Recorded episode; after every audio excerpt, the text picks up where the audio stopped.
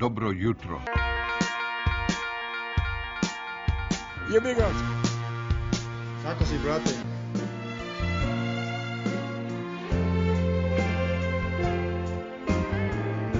Bilo lepo.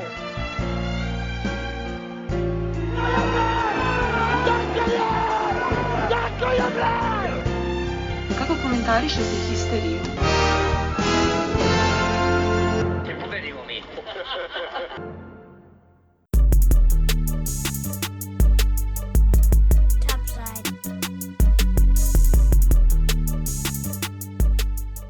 Zdravo živo, grobari, novi histi, prvi u 2022. godini za koji se nađem, nadam da će biti bolje od ove prethodne. Sad što se tiče ove rezultata i, i, i svih sekcija, a boga mi i ove prokletne pandemije zbog koje ponovo snimamo preko Skype-a. Ova epizoda će biti uh, basketical, a imamo četiri utakmice koje su se nekako zaparložile za ovih 15 dana koliko se nismo čuli jer malo, malo bolesti, malo pandemija, malo obaveza i malo su ove prve od te dve četiri utakmice bile lakši trening. A na kraju krajeva možemo valjda i mi nekad da odmorimo. Tek evo nas sada imamo specijalnog gosta iz Crne Gore, Mršavog Dukljanina. Tako da to je to. Idemo Mil- Milenkov džingl, pa Milenkova analiza. Imaš devojku ti. Spreman za istraživanje? Come on, let's go!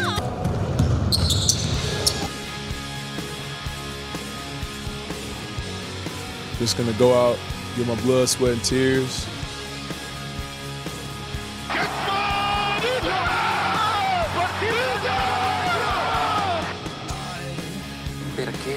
Partisan Belgrado?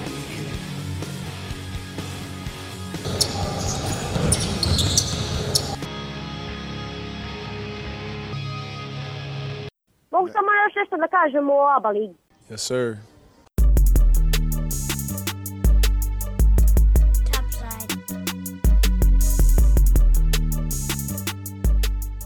Pa da, eto, nakon četiri pobjede sa kojima smo otvorili 2022. godinu, javljamo se u jednom raspoloženom tonu. Ovaj, e, četiri utakmice gde više od neke bojazni da, e, da li ćemo uspeti da pobedimo, bila je bojazan da li ćemo uopšte igrati utakmicu. Nakon one odložene utakmice protiv e, mega ishrane ili kako se već sada više zovu, ovaj, dobili smo i prve zaražene u našoj ekipi. E, pozitivni su prvo bili Avramović i Dangubić, e, nakon toga se Avramović e, oporavio, odnosno bio negativan, a novi zaraženi su postali Zagorac i Miletić, kao i neki član- članovi stručnog štaba. I ovaj i sad mogu da kažem pre svega je da kažem imali smo sreće da smo igrali protiv objektivno slabijih protivnika, protiv nekih od naj e, da kažem bezopasnijih protivnika u ABA ligi koji su takođe imali probleme i protiv Trenta koji je takođe imao a, ovaj, tri zaražena igrača i to tri jako bitne igrača Amerikanca, o čemu ćemo malo kasnije. Ali opet moram da kažem da koliko god bilo bitno da mi igramo ove utakmice, a, bitno je da ih da igraš, ali da ih dobiješ. A postoji velika opasnost da ti zbog neke skraćene rotacije, kao što smo danas videli, da izgubiš neku od utakmica a, koju, koju ne bi smeo da izgubiš i onda džaba ti sve što možda nećeš posle imati nešto ovaj zgusnutiji raspored što je definitivno plus, ali ovaj ne bi smeo da da proklizaš. A, tako da ajde da otvorimo sa prvom utakmicom protiv Zadra.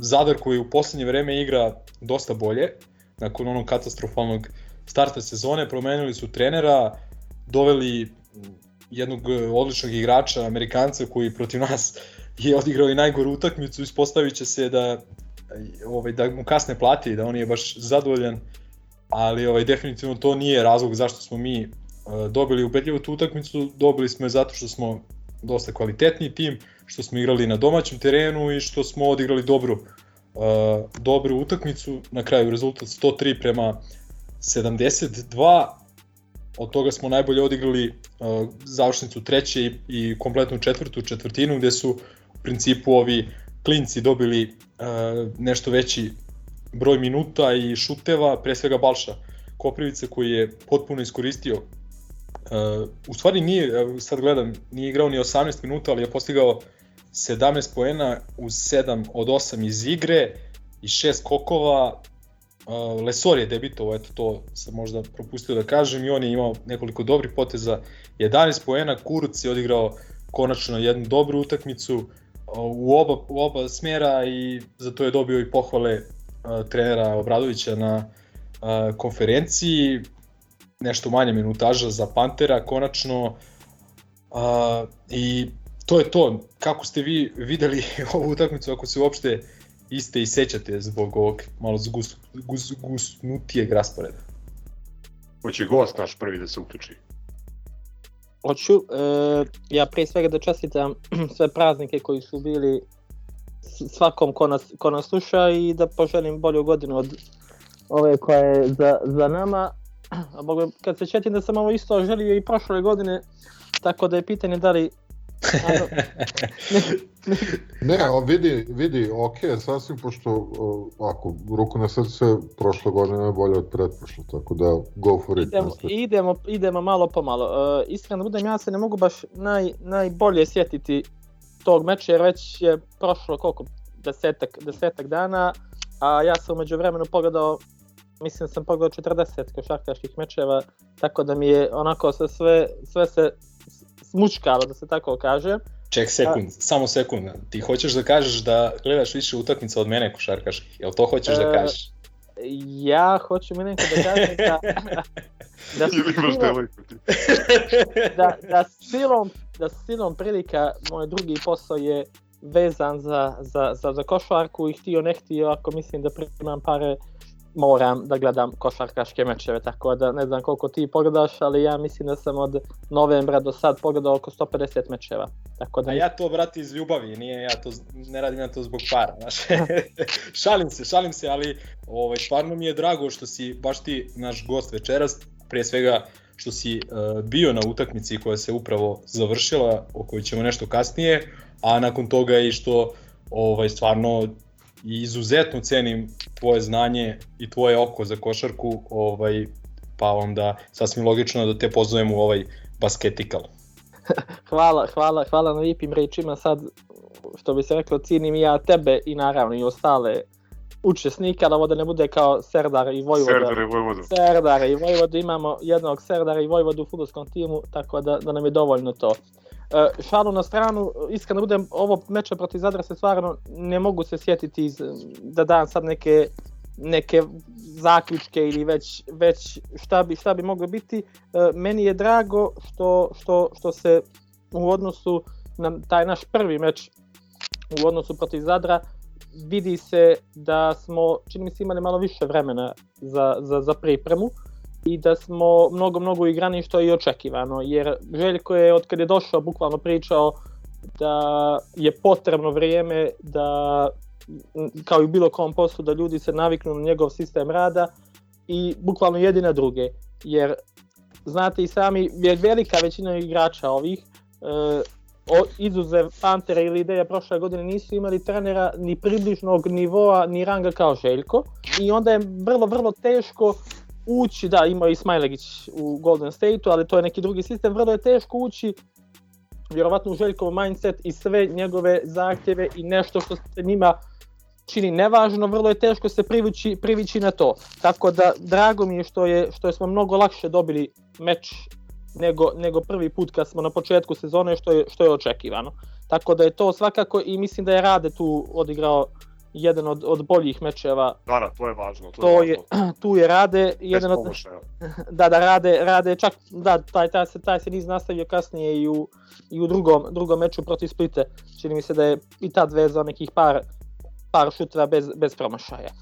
Tako da, I onda se razbolao, tako da je on pa, sada, e, evo sad, već... e, sjećate se, Rade kad je, kad je tek došao, ja mislim da je njegov prvi zvanični meč, ako se ja dobro sjećam, bilo je nešto protiv CDVite u gostima, prvo kolo Rade dao 25 poena, ono, bio je, nadali smo se da je to onaj Rade koji je pokazivao, eto, nismo baš to dobili i onda ga je Gagić slomio nos u petom, šestom kolu, čini mi se tako nešto bili i posle toga je Rade krenuo u ne baš, ne baš sjajnu formu.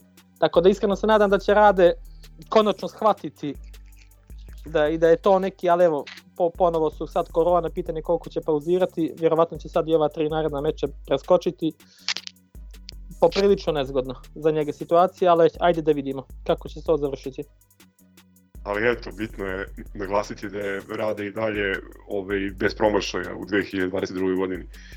A, meni su te dve utakmice protiv dva rivala iz Dalmacije, ono dve klasične trinkjerijeske aba pobede sa jako onako lepo pažljivo podeljenom minutažom. Mislim, jeste ono što kaže Milenko, potpuno košarka u senci šestog talasa ili već koji je 18. 18. pika, 6. ili 5. talasa, ne znam ni ja, ali ovaj, bitno je da u ovom periodu kada ekipa provodi dosta vremena u, e, znači u trening sali i u Beogradu, uz nešto slabiju ovaj, nešto, da kažem, laganiji raspored, e, mislim da ima više vremena da se prvo Lesor uvodi u sistem i drugo da se neki igrači koji su možda osetili zamor ili ovaj, tražili formu iz raznoraznih razloga da se oni uvode u igru i to je um, uz, naravno uz ogradu da to nisu protivnici ono, prve klase, ipak e, smo mogli da vidimo da, da, da, da, ekipa, da ekipa raste. Željko je pohvalio posle ove prve utakmice protiv Zadrana Kuruca konkretno i Balšu koji je imao najbolji učinak statistički u dosadašnjoj ABA karijeri e, ali mislim šta reći nakon eto te dve utakmice gde je Partizan ako se ne varam 93 plus 93 imao ovaj, u odnosu na, na, na protivnike. Ovaj, ja sam teo zapravo da kažem u drugu stvar koja nema toliko veze sa zadranjem, naravno, e, Splićani i činjenica da je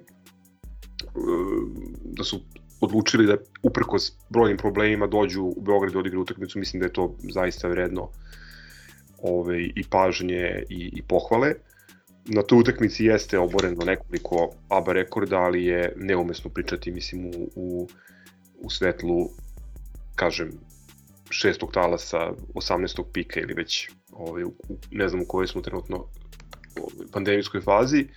I takođe bih istakao da je u odsustvu bolesnog Aleksa Vramovića e, ovaj Albanac. Dardan Murići pronašao e, pronašao ritam, pre svega ofanzivno, e sad veliko pitanje, ajde, mo, zanima me šta, šta, šta vi mislite, da li će moći da održi taj nivo forme uz manju minutažu koju će imati kada se Avramović potpuno vrati i drugo pitanje koje se na to pitanje naslanja, da li mislite da nam ipak treba još jedan playmaker? Ja iskreno nisam, nisam načisto po tom pitanju, mislim da imamo fino popunjen tim, da li možemo na određenim pozicijama e, da se pojačamo, da li postoji prostor za napredak, apsolutno postoji, pre svega na pozicijama 1 i 3 u smislu neke konstantnosti i u smislu nekog, da kažem, kontinuiranog doprinosa, da li kroz brojke, poene, asistencije ili, ili možda u igri i u odbrani, to je, to je sad već pitanje za neke malo stručnije, uh, ali hoću da kažem da mislim da nismo inferiorni u ovom sastavu u kome se trenutno nalazimo. E sad, sezona je toliko čudna da se ne usuđujem stvarno više ništa da kažem. Evo sad uh, je konkretno najbolji primer je ova danas utakmica i protiv Trenta, zašto recimo dobro što smo imali, ne znam, ono četiri trojke, ovaj, što sam recimo ja kritikovao i mislio sam da ovaj bi možda tu trebali da smanjimo malo rotaciju, ali ispostavilo se da, da ti dobro dođu te četiri trojke u situaciji kada je jedna trojka povređena, a dve zaražene. Tako da mislim da jedan iskusan play, ali pre svega play koji voli onako da pusti loptu, da pusti pas, da organizuje igru je svakako dobrodošao a koji nije, da kažem, neka defazivna rupa, ali je pitanje takođe i da li takav play postoji u, ne znam, 15. januara ove, ove godine, u situaciji gde je zaista veliki broj kvalitetnih igrača, odnosno igrača koji bi pravili razliku u Evropi, jednostavno mulja se tu oko NBA lige i čeka, čeka svoj poziv koji je naravno posledica ovog Omikron soja i, i tamo. Tako da nisam nisam načisto, ali ajde kažemo za da sumiramo ove dve utakmice jer mislim da stvarno kao što si rekao svaka čast i Zadranima i Splićanima što su došli, što su odigrali, mada mislim da je njima bolje da što se kažu što se kaže skinu to gostovanje gde realno ne bi dobili ni da su kompletni da ih skinu sada ovaj, sa dnevnog reda, da ne moraju možda posle da razmišljaju o dolasku u Beograd i ovaj, možda će im a, omogućiti ova odigrana, ova odigrana utakmica nešto više vremena za pripremu nekih njima bitnih utakmica, ali stvarno ono svaka čast što su došli, što se nisu plašili katastrofe koje su doživjeli i to je to. Mi smo imali dobre procente šuta u obe utakmice, igrali smo brže, imali zadovoljavajući broj asistencija i tako dalje, ali opet sve to relativno zato što protivnici stvarno nisu bili dorasli a, nama u ovom trenutku. Ako Tufi nema nikakav uh, komentar na, na, na Dardana, imaš? Izvoli. Imam, imam. Uh, ja iskreno, ja sam bio stvarno na početku oduševljen kako uh, Murići igra i to sam tebi Dule slao nekoliko puta i rekao sam ti to na početku sezone ako ovako nastavi, ljudi će posle do nove godine zaboraviti Pager. Ali bukvalno je bilo onako baš je, baš je onako nekim prelobnim momentima pogađao trojke. E, u poslednje vreme očigledan je pad, i noćas isto par puta onako otvor, mada je stvarno na kraju u četvrtoj četvrtini on vezao 5 poena, ali je ponovo počeo neki otvoreni šutevi koji on bi morao da pogađa šuter, jer on kod nas ima bukvalno ulogu, organizacija mu nije baš, ja pričam sad o mečevima koji će se bori, koji će nadonositi najvažnije trofeje i borbu za tituli. On nema šta da radi, kao neko ko će organizuje igru protiv komšinice, protiv budućnosti i protiv jačih Evrokup timova. Uh, i izvini, njego... izvini, moram da te prekinem samo, mislim, to je tačno što kažeš, ali evo statistički, mislim, on jeste promašio dva ili tri neka, neka šuta koja bi igrač takve reputacije ili jeli, ovaj, dvojka sa dobrim procentima morala da, da, da pogađa, ali evo kad pogledaš e, protiv, e, protiv e, Splita, uh, ako se ne varam, dve pogođene od tri, protiv ovaj, Zadra dve pogođene od četiri, večeras 3 od 8. Mislim, to su vrhunski procenti. A, e, jeste Dule, Uz ali... dobar uzorak šuto, šuteva, znaš. Znam, znam, ali e, kao i vi ste pomenuli da Zadar i Split uh, ne treba da, da, da uzimamo kao neki preveliki reper za bilo šta. Za, ja kažem, ja sve pričam iz ugla onoga što nas čeka u aprilu, maju kad se budu kad budemo vodili naj, najvažnije bitke. Jasno, jasno. I tu on ukoliko nema 40 plus posto šuta za 3 poena, onako imamo, onda, onda mi možemo imati u problem, jer će tu svakako biti i gušenje Pantera i, i on će morati, bit će, realno on je naš najbolji šuter, a te tako, pogotovo kad se Pantera, bit će tu različnih udvajanja i svega i onda mora realno ostali su svi, što bi rekli amerikanci, striki šuteri, može da pogodi, ali ne mora, ali on je taj koji bi trebao da pogađa u kontinuitetu. I ukoliko nema procena šuta kakav treba da ima vrhunski šuter, onda imamo problem. Da se on postavlja... trenutno, izvini, moram još jedno da te prekinem, on trenutno ima 39,6% u ABA e, za 3 i 44% za 3 u Evrokupu. U Evrokupu, kaže, evo, da vidimo, ja nisam, kažem, u njegov pad je, čini mi se, vjerovatno sad nemam podatka, ali pretpostavljam da u početku sezoni ili makar mene tako djelovalo da je to izgledalo malo, malo bolje. Ali evo... Ja bih, ja bih... On se jeste izgubio, on se jeste izgubio u nekom trenutku i mi smo pričali o, u, u ovom podcastu da je delovalo da apsolutno nema ulogu i da se jako loše snalazi sa tom smanjenom minutažom. Zato sam i sad uveo njega kao temu jer e, sa odsustvom Avramovića opet to deluje dosta bolje nego u tom periodu kada je kada se izgubio. Izvini, ja, ništa, ništa. Ja bih, eh, ja bih podelio njegov učinak eh, ovaj, eh, na dva perioda. Na period kad je igrao a, pretežno u petorci sa Panterom i a, kada je igrao bez, bez Pantera. Mislim da to nebo i zemlja, mislim da i, i dobar, ovaj, a, dobar deo razloga zašto on igra bolje u poslednje vreme je što mu odgovara da igra, igra sa Panterom, a, koji takođe po mom nekom isk, o, skromnom mišljenju igra stvarno dobro, a, odvlači veliki deo pažnje odbrane, a, od, odvlači veliki deo odgovornosti i, i svega i onda samim tim a, ovaj, a, Mur ima, ima više prostora.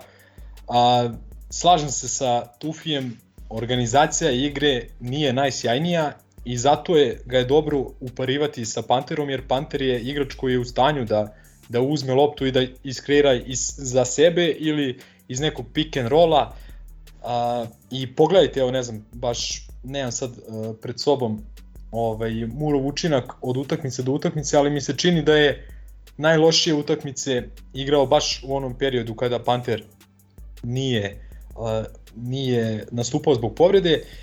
E sad, uh, Murove brojke stvarno su dobre, ja u njegovo, uh, ne znam, njegov šut, njegovu preciznost nikada nisam sumnjao, niti sada sumnjam i pričam isto što sam pričao i za Peđa prethodne sezone, on mora da uzima veliki broj šuteva za 3 poena, jer prosto to najbolje radi.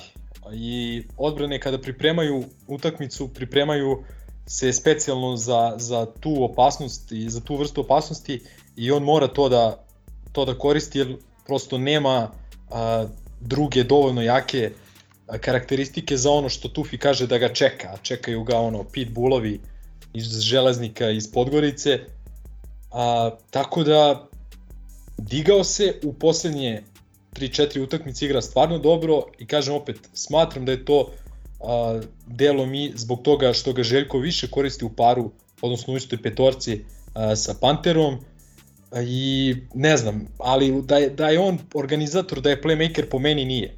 Tako da svakako jedan playmaker nam ne bi škodio, ali opet kažem, vrlo je to škakljivo dovoditi igrača u januaru, februaru mesecu, a da ne poremeti ono što si imao do tada, tako da ne znam, nisam pametan.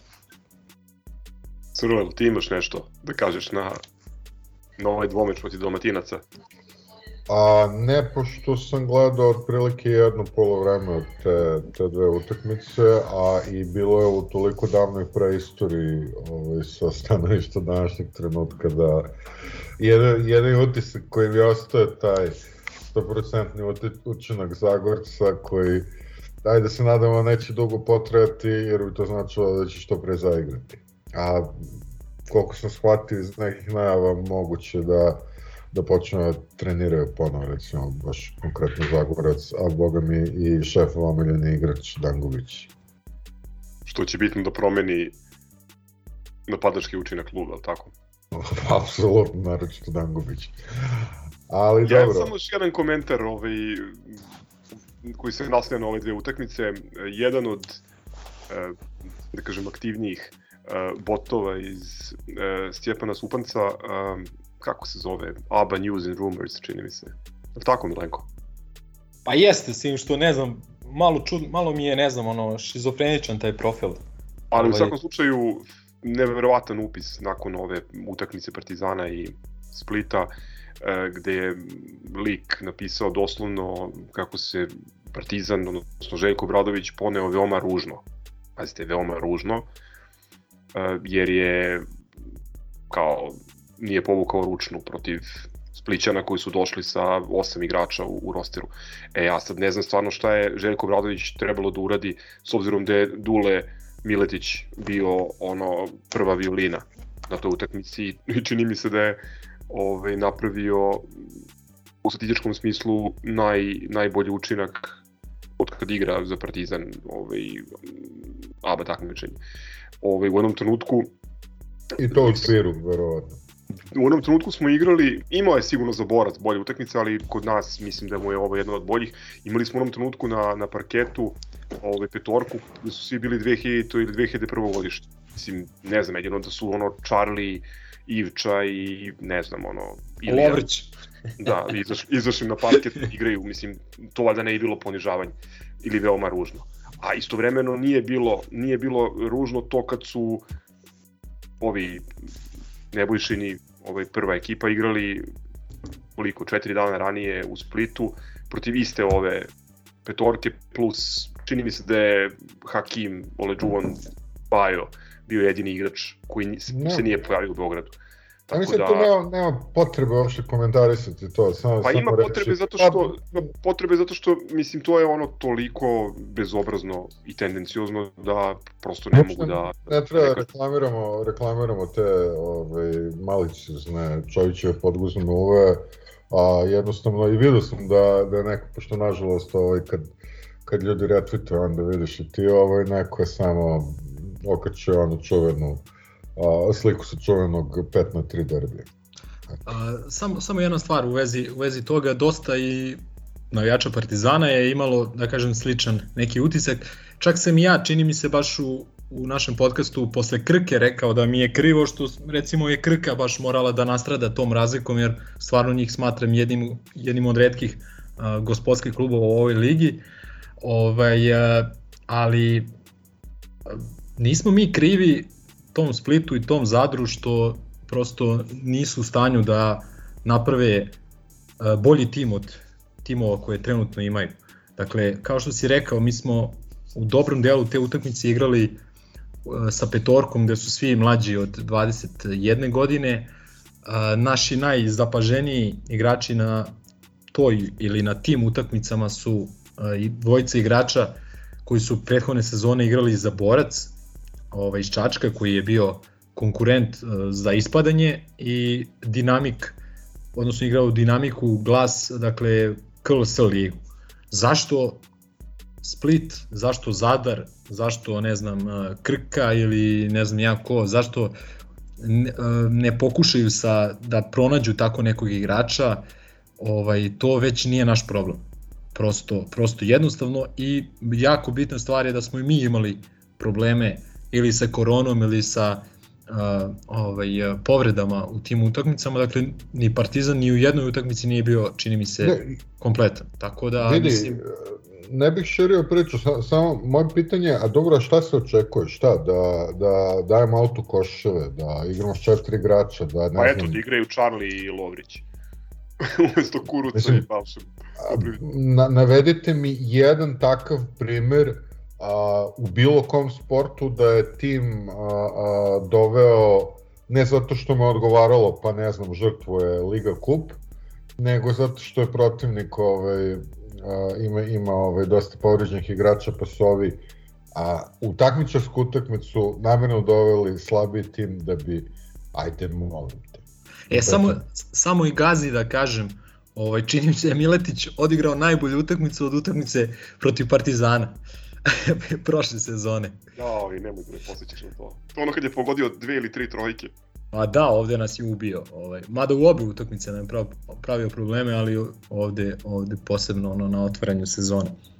Tako da, tako da, gospodo iz Dalmacije, ono, malo bolje ovaj, skautirajte, malo bolje koristite taj novac ili šta da vam kažem, nađite više novca pa ga pametnije koristite i nećete imati te probleme.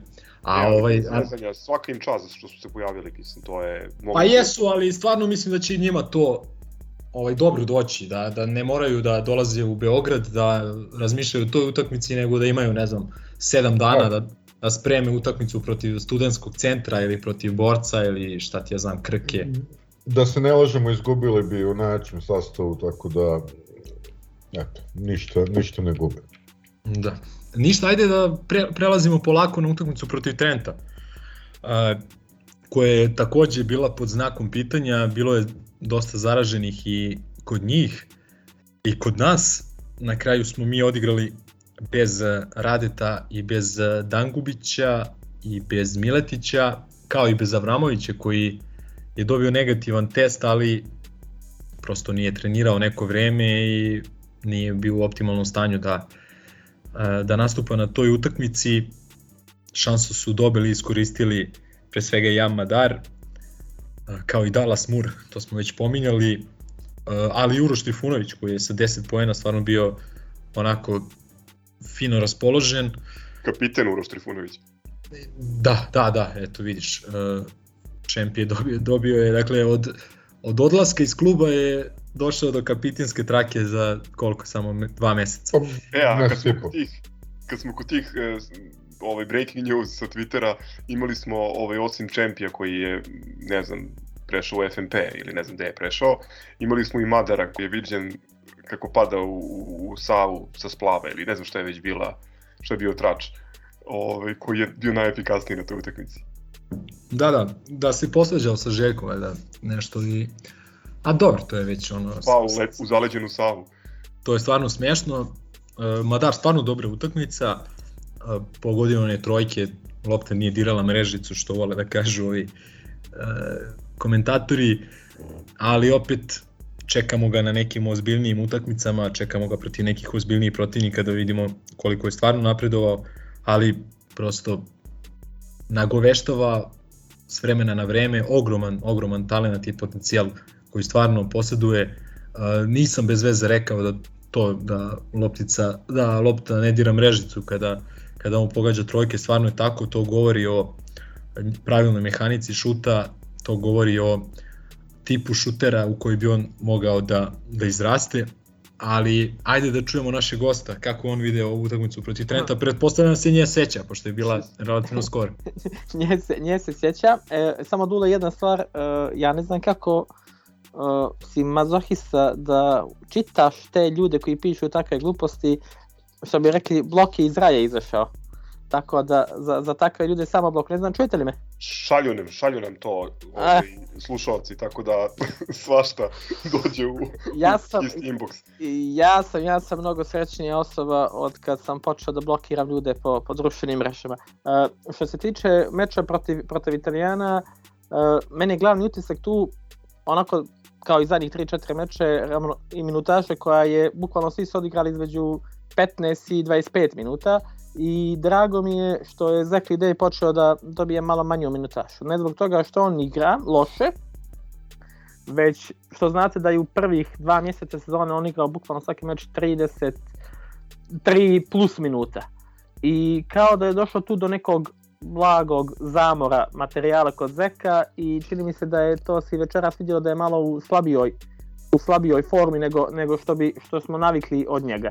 Uh, pobjeda, kao pobjeda ono što bi se reklo, piše se, bila onako dosta, čini mi se, lagani, bukvalno se nije dovodilo ni jednog minuta u pitanje i vrlo je, mislim kao i svaka druga u Evrokupu važna, jer vidimo da je u drugoj grupi, ono, koliko se ja shvatio, na kraju četvrt finale i polufinale će se gledati ko ima bolji skor u, u grupama.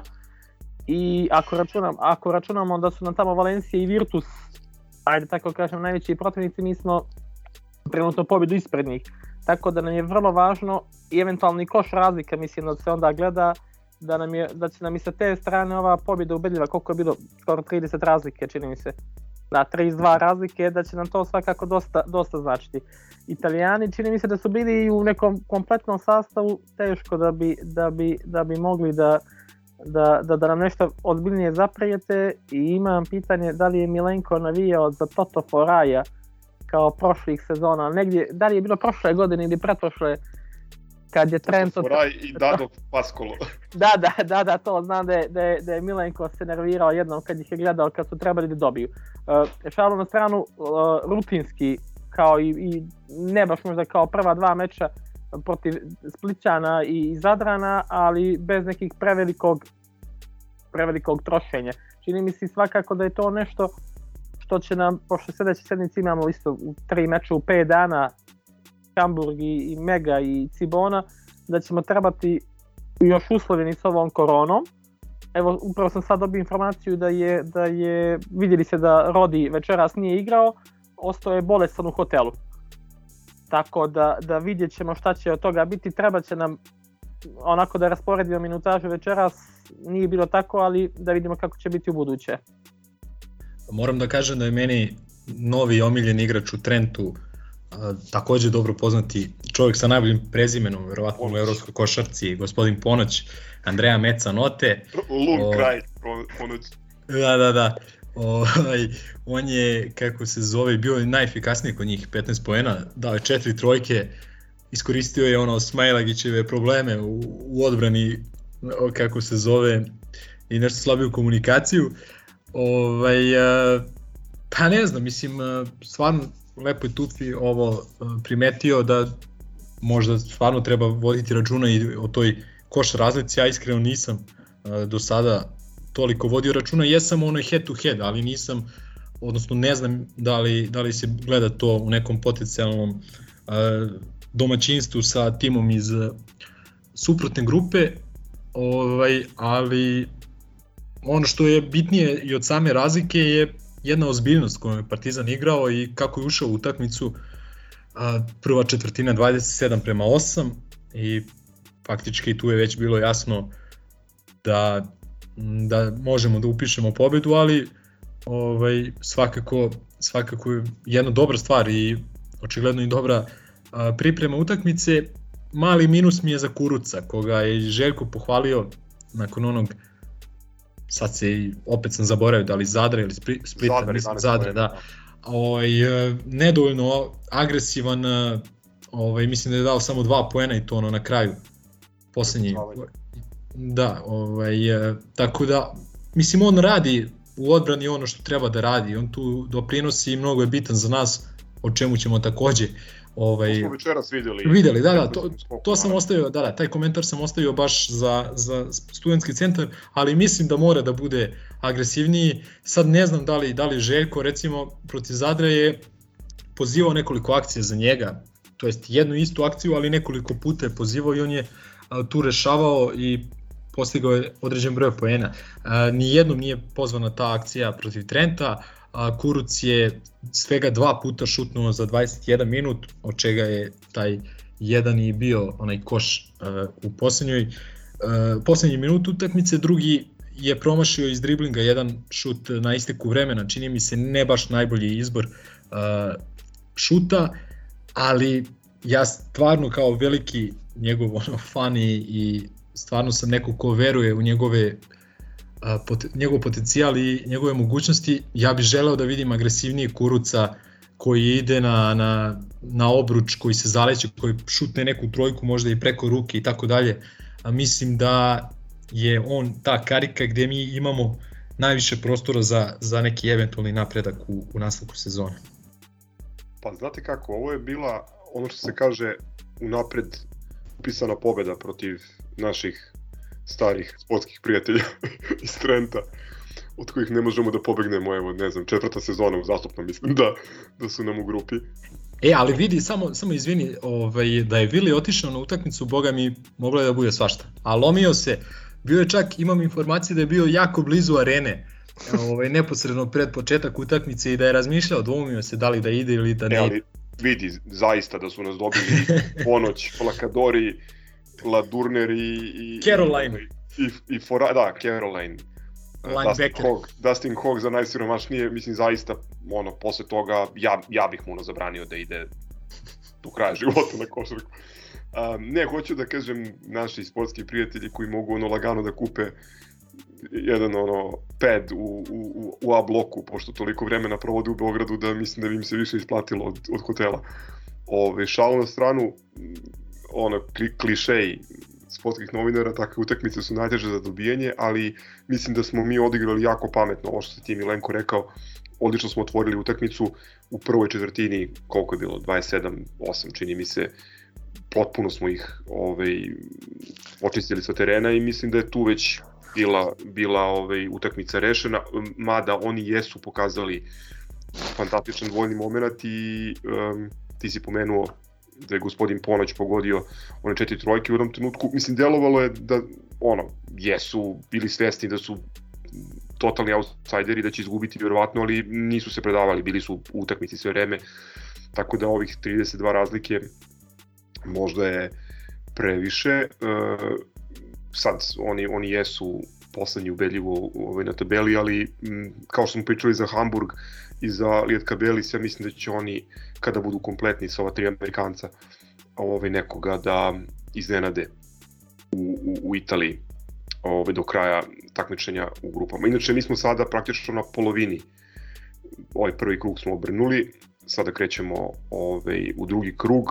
Vidim da je, evo Tufi je pomenuo sada te neke projekcije, baš se puno priča o tome ovaj, gde bi mogli, na koga bi mogli i tako dalje. Prerano ima još dosta se igra, mada treba već sada reći da nam je ova utakmica u Badaloni ovaj, verovatno jedna od dve najbitnije do, do kraja, jer ovaj tu bi eventualnim breakom ovaj mogli da mm, da rešimo puno stvari. Ali ajde sada da, da ne istrčavam previše, samo još dva utiska sa ove utakmice. Mm, Da, Tufi je pomenuo lepo da su da je minutaža bila onako uh, lepo izdeljena, baš onako trinkijerijevski. Mm, čini mi se da je Allen jedini igrao 25 minuta, svi ostali do 22 minuta. Ledej jeste imao značajno manju minutažu, odnosno mogu da se odmori, ali nije, nije odigrao sjajno, pa i danas je došao praktično, stigo je u, u Moraču nekom 35. 36. minutu. Um, Mura smo već hvalili i Madar koji je, kao što rekoh, prema proverenim izvorima iz železnika ovaj, upao u Savu dan ranije, ali eto, ispostavilo se da je bio najbolji strelac našeg tima na ovoj utakmici. Dobro, slušao se čovjek umeđu vremenu. Ovaj, ja nemam baš šta da dodam, osim da ja podebljam ovo što, što je Tofi rekao, drago mi je da Ledej ovaj, ima više vremena za odmor. Ne bih sad, uh, ok, verovatno jeste neki pad forme, ali nije realno, on je, on je izvukao, izvukao onaj prvi period maltene na leđima kao onaj, onaj igrač koji, koji će uvijek da da najviše na svakoj tekmi. I, i to sam više puta pričao kako mi je i, i preslikana situacija sa Ricardom. Kao dajte tom čoveku malo da odmori. Tako da mislim da će to sve biti ok ovaj, E da, Milenko, a, moram ti ispravim, a, nije, nije a, najsmešnije prezime u evropskom basketu, a, samo zato što postoji igrač u Metropolitansu koji se zove Ho Yufet. Što Da, da, apso- nisam- apsolut, apsolutno hilarious. Ne, nisam rekao, nisam rekao najsmešnije, nego najjače prezime. Da, jest. A inače, naj, O, najsmešniji... Ne, i jače, da li, da li ima nešto jače od Ho Yufet? Ima, ima, ima jače, ima jače u ABA ligi ovaj, uh, igrač uh, Splita, koga smo možda trebali da pomenemo, koji je dao najviše poena protiv nas, a koji se preziva Shorter i koji, I ali- liči na, da, da, da, da. ali ne, liči na viđeno liči, ne viđeno Liči na liči na Shortija. Filipa Znači, Ustani. znači crni Filip. da, Ako to je je to to. nešto najjače. Sorti, sorter. Ove, e, šta da kažem, nadam se da ćemo da odemo u Trento na, na taj revanš. Eto. Kad je to neki april? Početak aprila, da, čini mi se. Pa, Prva ajde, sedmica aprila. A, držimo palčeve. Ajde kad smo već kod kad smo već kod uh, Ledeja da prelazimo polako i na ovu da kažem najsvežiju utakmicu. A, mislim da bi trebalo da pustimo našeg gosta da ovaj uh, da neki najopširniji komentar s prostog razloga što je bio prisutan na utakmici iako nije uh, bilo ovaj uh, publike, on je našao način da da prisustvuje toj utakmici, na tome svaka čast.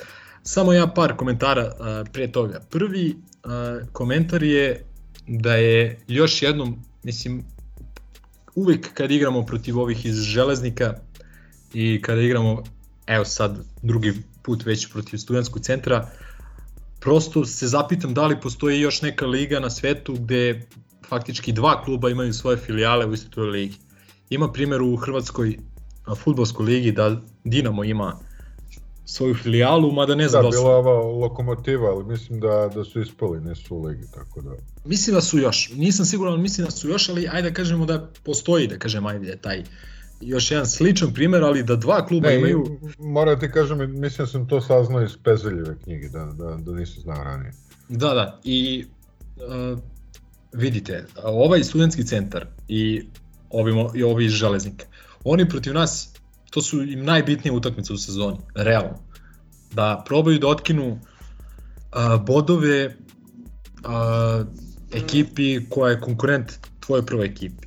A, ja ne sumnjam da oni imaju i ono da su im obećani neki bonusi finansijski i tako dalje u slučaju da pobede Partizan i to samim tim uh, da kažem, dovodi u pitanje regularnost lige i, ovaj, e, i sve ostalo, a da, da dodam u tu grupu klubova za koje smatram da ne bi smeli da se takmiče u ABA ligi, a, da dodam i tu jedan menadžerski klub iz ove lige, koji kao nije menadžerski, a svi znamo da jeste, koji kao se bori za trofeje i kako i njihov trener, a naš bivši trener u jednom, da kažem, TV izdanju onako napriča čovjek kao da ne znam, ono, kao da imaju 10.000 ljudi na svakoj utakmici koji zahtevaju da oni osvoje titulu, a ne da su da igraju u balonu na, na u braći Čekaj. Jerković i Samo pitanje, da li oni uopšte imaju publiku?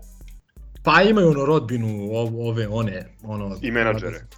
ali ma, misliš menadžera ovaj e, ali ko, njegove, ko, njegove skaute. Zašto, zašto smatram, mislim, ja bih to pričao i da je recimo dinamik a, koji, ajde kažem, možda je, čije, mada nisam siguran više da li je ova menadžerska agencija koja je bliska našem treneru, da li ona i dalje u tom klubu, ali a, prosto nije regularno, jer ja tvrdim da ta Mega neće igrati istim intenzitetom, mislim, protiv Partizana gde ima, ne znam, jednog i po klijenta i protiv ovaj, Cigana i protiv budućnosti gde faktički 95% ekipe su, su igrači iz te menadžerske agencije. Ovaj, ovo ne znam, ovaj studentski centar me malo asocirao na tu neku priču, pa da po mene mislim da je bitna tema. A, Izvini, Milenko, pre nego što damo reč Tufiju, ako mogu samo ovaj, jednu fantastičnu e, sintagmu koju je Zoran Savić lansirao ovaj, u današnjem intervju, samo da, da, da pomenem, e, nazvao je to što se dešava e, kod nas, taj klijentelistički odnos koji gledamo, neobavezan, statističarski, da ne kažem, e, basket bez pritiska, nazvao je happy košarkom. Ovaj, to, mi je, to mi je fantastično. To mi je ono jedna od boljih stvari koje sam čuo. Da, da, dobar izraz. Samo sam hteo da kažem, a, pogledajte ovaj bilans između dva čovića kluba, čisto da vidite, znači, a, a bukvalno ono, statistički nemoguće da odigraš ne znam koliko, 20-30 utakmica i da nijednom ne izgubiš baš. Pa vidi, ne znam, ono, to mi je još i, da kažem, i logično u, u svom tom ovaj, besmislu, ali pogledajte, ne znam, učinak Mege protiv ovog malo kvalitetnijeg Čovićevog kluba. Tako da mislim da će tu dosta a, biti jasnije, mada da si, ono, moram da se izvinim, ovaj, sad sam se setio da je Mega dobila budućnost, tako da, ovaj, što se toga tiče izvinjenje, ali stvarno mislim da protiv Partizana su onako uvek izvanredno raspo, raspoloženi i motivisani.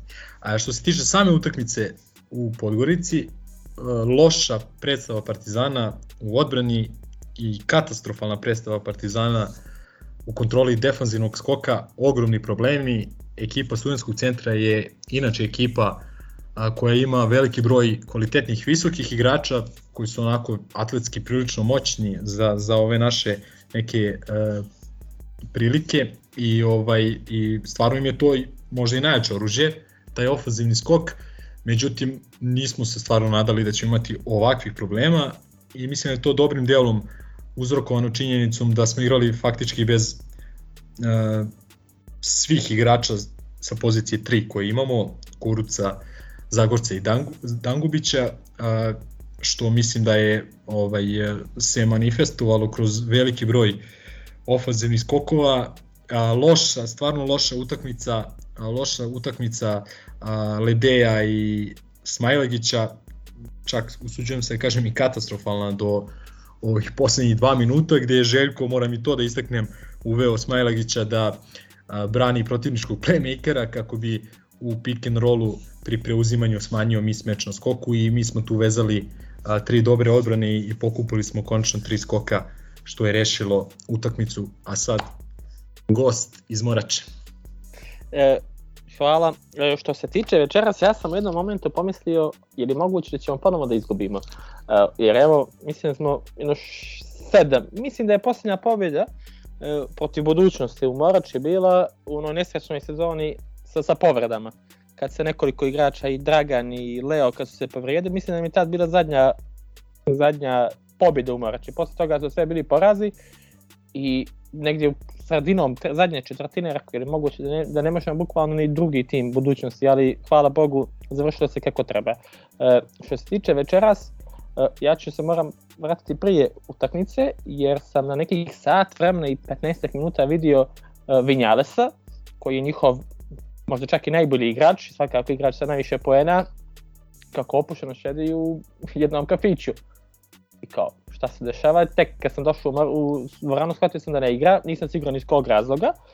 I onako počeli smo dosta mlako i iskreno se nadam da igrači nisu mislili da će dobiti lako. Jer koliko god mi kritikovali ABA ligu, uh, ABA liga onako dosta je, dosta je nezgodna, pogotovo na gostujućem terenu može otprilike bukvalno svako da te dobije. Znači otprilike nema, može svaka, svaka ekipa od Krke i ovih hrvatskih ekipa, pa eto ispostavilo se i, i uh, studentski centar. Uh, studentski centar igra poprilično čini, na veliki broj poena. Znači oni sad evo gledam, oni su na 80 i, i 82 postignuta poena po meču. Što je za ekipu, ajde tako kažem, iz donjeg doma donjeg doma ABA lige i više nego dobro i to smo ih, da nije bilo onog prvog meča kad smo ih spustili na manje od 60, taj prosjek bio značajno veći. E, ja sam u jednom momentu tamo negdje kraj treće i četvrte mislio da su od Pavličevića i Kamenjaša kao da su Stockton i Malone. Znači, apsolutno jedan jedini pik koji je zavrtio Pavličević nisam mogli da, da odbranimo. I ovo što je Milenko rekao da je posljednjih taman dva minuta, mislim da je Alen branio, branio Pavličevića, ali tu su imali, mislim, malo sreću, ne znam da li se vidjelo u snimku na, na TV-u, da je Pavličević tražio izmjenu, nekih minut i po, čini mi se, pred kraj i onako imao je neprijatno, čovjek je povraćao da li od umora ili već od čega, od napora, bukvalno se, ono, mislim da je sve što je tri dana zadnja pojeo da je, da je, da je povratio i nakon toga je imao onu ishitranu trojku, ako se ne ishitreno, nego je bukvalno sam držao loptu 20 sekundi i šutne. To mislim, mislim da je to bilo na jedan ili na dva razlike, razlike za nas. E, skok defanzivni nije postojao i podsjetite me na naše prve mečeve kad smo, kad smo se mučili, kad su nam bukvalno svako hvatao po 15 ofanzivnih skokova, ali smo tad primali značajno manji broj poena, pa je ono bilo, više su promašivili protivnici, logično da će doći do, do ofanzivnih skokova. Uh, Smajlegić ponovo potvrdio da vrlo često ima problema, pogotovo u defanzivnom, kao da ima neke, uh, blok, ne, nisu blokade, već potpuno odsustvo koncentracije bilo kakve u defanzivi. Znači potpuno odsustvo bilo kakve koncentracije u, u defanzivi. Uh, drago mi je da se Panter ponovo, jer ja, ja cijelo vrijeme imam osjećaj, tokom cijele sezone imam osjećaj uh, da Željko, ajde tako kažem, dozira Pantera. I da da, da, sad će glupo zvučiti, ali da mu ne da. Nije da mu ne da, već da ga onako kao da nikad ga nije pustio da igra na, na da, da, da mu ono kaže, da bilo je onaj meč u, u Evrokupu kad je kad je moralo samo, da li Juventud, da, kad je Juventud, da kad je uzeo, ali cijelo vrijeme mislim u ABA ligi protiv ovih malo slabih rivala da, da, da, da dozija, da, da pokušava da, od, da dobije ostale igrače, jer je svjestan da da će kad se bude lomilo neće moći sam Panter da dobija protivnike. E, što se tiče ostalih igrača, ovih naših, pomenuo sam da je Dardan promašio par otvorenih trojki i par puta i Allen, osim toga što je Brelje u odbrani propustio par on otvorenih i on, ja zaista ne, mo ne mogu da shvatim, to je i ono što radi Rodi i, i, i kad imaš dosta dobar šut, od, preskačeš otvoren šut, i onda uzimaš to je sino, i glas je to zapravo jednom uradio. To je, to je ona sekvenca kad je uzeo tri trojke u tri napada, mislim da je to bila kraj treće četvrtine, kad je preskočio otvorenu trojku, pa je onda iz te beka šutnuo, promašio, pa je sljedeći napad pogodio sa 90 stepeni i onda je u posljednjem napadu, uh, ili je to bio predposlednji, da je isto šutno nešto ishitrenu trojku koju isto promašio. Tad mu je Željko isto... Tog promaša ga je izveo Željko i e, nije ga vraćao to, do kraja e, utakmice. To je to, čak se, ne znam da li se vidjelo u prenosu, gdje se Smajlegić dere na njega kao, brate, šta radiš to? Ono, nisam siguran da li se, da li se vidjelo to, to, to u prenosu. Uh, tako da, da, vrlo važna pobjeda, onako u jednom momentu sam se, mislim, ja sam prvo polovreme gledao, ok, sad ćemo, to je tu egal, u drugom poluvremenu će malo da se, da se, da se odbrana stisne, ali to i samo još jednom se pokazalo da kad nešto nemaš ili ne igraš u ovom momentu odbranu na zadovoljćem nivou, ne može to na dugme da se da se pricne sad ćemo da igramo odbranu.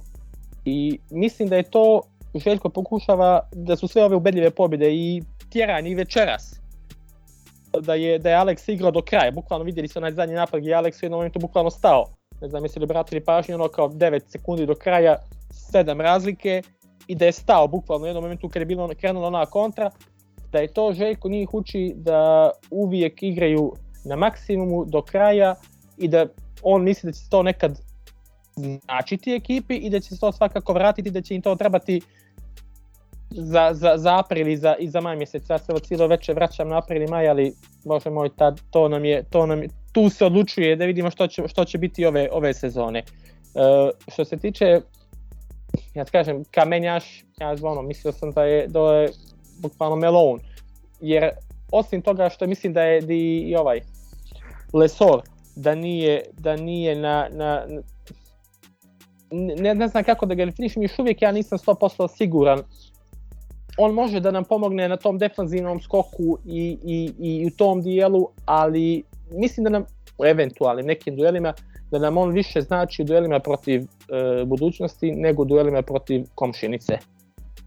Tako da vidjet ćemo šta će, ja još nisam 100% siguran koliko će nam on biti pojačanje, mislim svakako hoće, ali ono ne, ne mogu još da definišem kako će nam i koliko da li će on zaista biti ono naš drugi ili treći najbolji igrač ili će svakako biti tu da, da pomoćno osoblje kad se, kad se bude odlučivalo. Tako da što se mene tiče, ako mi padne još nešto na pametu dok, dok vi budete pričali, ja ću se osjećati dovoljno slobodnim da podignem ruku i da se javim za, za, za reč.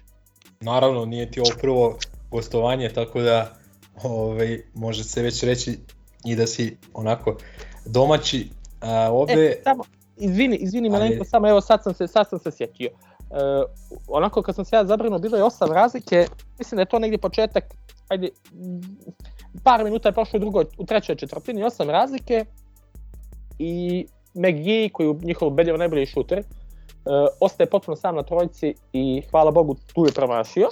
I mi posle toga pravimo seriju 8-0. Tu da je otišao na, mislim sad, šta bi bilo tu da je otišao na 11 razlike, to je već ono, znaš, malo, malo, malo je onako, to bi bilo malo pipavo. I iskreno, vrlo mi je drago što smo dobili večeras, jer sa ovim porazom e, mi bi bili iskreno, vrlo teško bi mogli da, da, da dođemo do prvog mjesta, a svijesti smo svi koliko prednost domaćeg terena e, znači i protiv budućnosti, a boga mi protiv komšinice. Tako da je ova pobjeda i ovaj rezultat je prvo potpuno nerealan, da je na kraju 10 razlike, ovo je bukvalno bilo do, do, do ušli smo u zadnji minut na jednu loptu. Tako da, da nadam se da će, da će igrači se shvatiti da nema lakih mečeva i da ovo sad ovaj seriju koja nam dolazi ova naredna tri meča da ćemo se vratiti, ne baš ne mora kao ova prva tri meča u novoj godini, ali da bude malo, malo relaksiranije. Ne samo da bi doveli u pitanje prvo mesto, nego boga mi i drugo mesto čak čini mi se vidimo da budućnost beleži odlične rezultate, ima vrlo kvalitetan tim. A, a, a dobiti budućnost i zvijezdu bez prednosti domaćeg terena Da.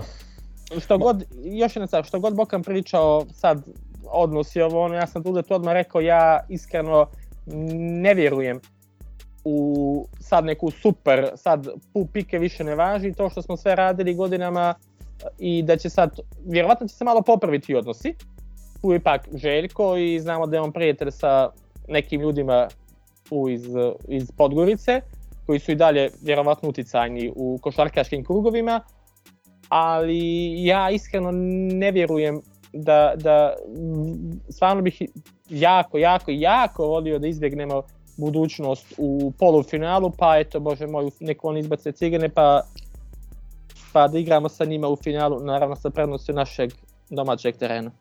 To je pomenjen, po, e, pomenuto kao jedno od pitanja na konferenciji za novinare posle utakmice. I Željko je onako šmekerski spustio loptu, mislim što, što i očekujemo od njega, a ovaj, samo da ti kažem, ok, jeste ovo drugi tim ili razvojni tim ovaj, budućnosti, ali recimo um, ona situacija um, sa Kamenjašom kad je tražio na skoku prije jedne razlike za nas faul, da je da je bila publika i da je budućnost bila, a ne studentski centar, nisam siguran kako bi kako bi sudije iz Hrvatske. Mislim za početak verovatno bi bio ovaj Radović. Iz Hrvatske. molim te, molim te, Dule, uh, ti znaš za moju... To zbog tvog kuma, to zbog tvog kuma namjerno, tako namjerno je, tako je, tako je, za, za, za odnos, za, za neupućene, moj kum i ja nismo razgovarali, pošto je to blizak rođak uh, Sretene Radovića, nismo razgovarali nekih mjesec i po dana nakon što sam ja izrekao niz ne baš lijepih riječi ka Sretenu dok ne se krao u, u, u bar, makar krao iz mog viđenja. E, kad pomenu ovu scenu sa, sa Kamenješem, znam da su ljudi iz studentskog centra i određeni ljudi iz uprave, nisu dozvoljavali sudijama baš u, da uđu u tunel onako kako je to normalno, već je onako bio bio, bio žestok pritisak, na, mislim na samom kraju meča kad se sve već završilo da se onako sudijama nije bilo baš prijatno. Tako da mogu misliti kako bi bilo da je ovo protiv budućnosti, protiv sudija, tako da nadamo se da ćemo taj meč riješiti značajno ranije. Da, što se tiče, kažem, samog parketa, a, ja iskreno mislim da je suđenje bilo korektno i da je bilo grešaka, ali stvarno, što se kaže, i na jednu i na drugu stranu. Mislim da je skandalozan onaj četvrti faul Pantera koji je mogao da promeni kompletan tok utakmice. Ako je nečiji faul bio tu, bio je Ledejev, znači nije bio, mislim da nikako nije bio Panteru, bilo je Meni tu je problematičniji bio faul koji, koji nije sviran na Panteru prilikom onog prodora, isto na jedan razlike, što je bila možda kompenzacija za, za ovu odluku.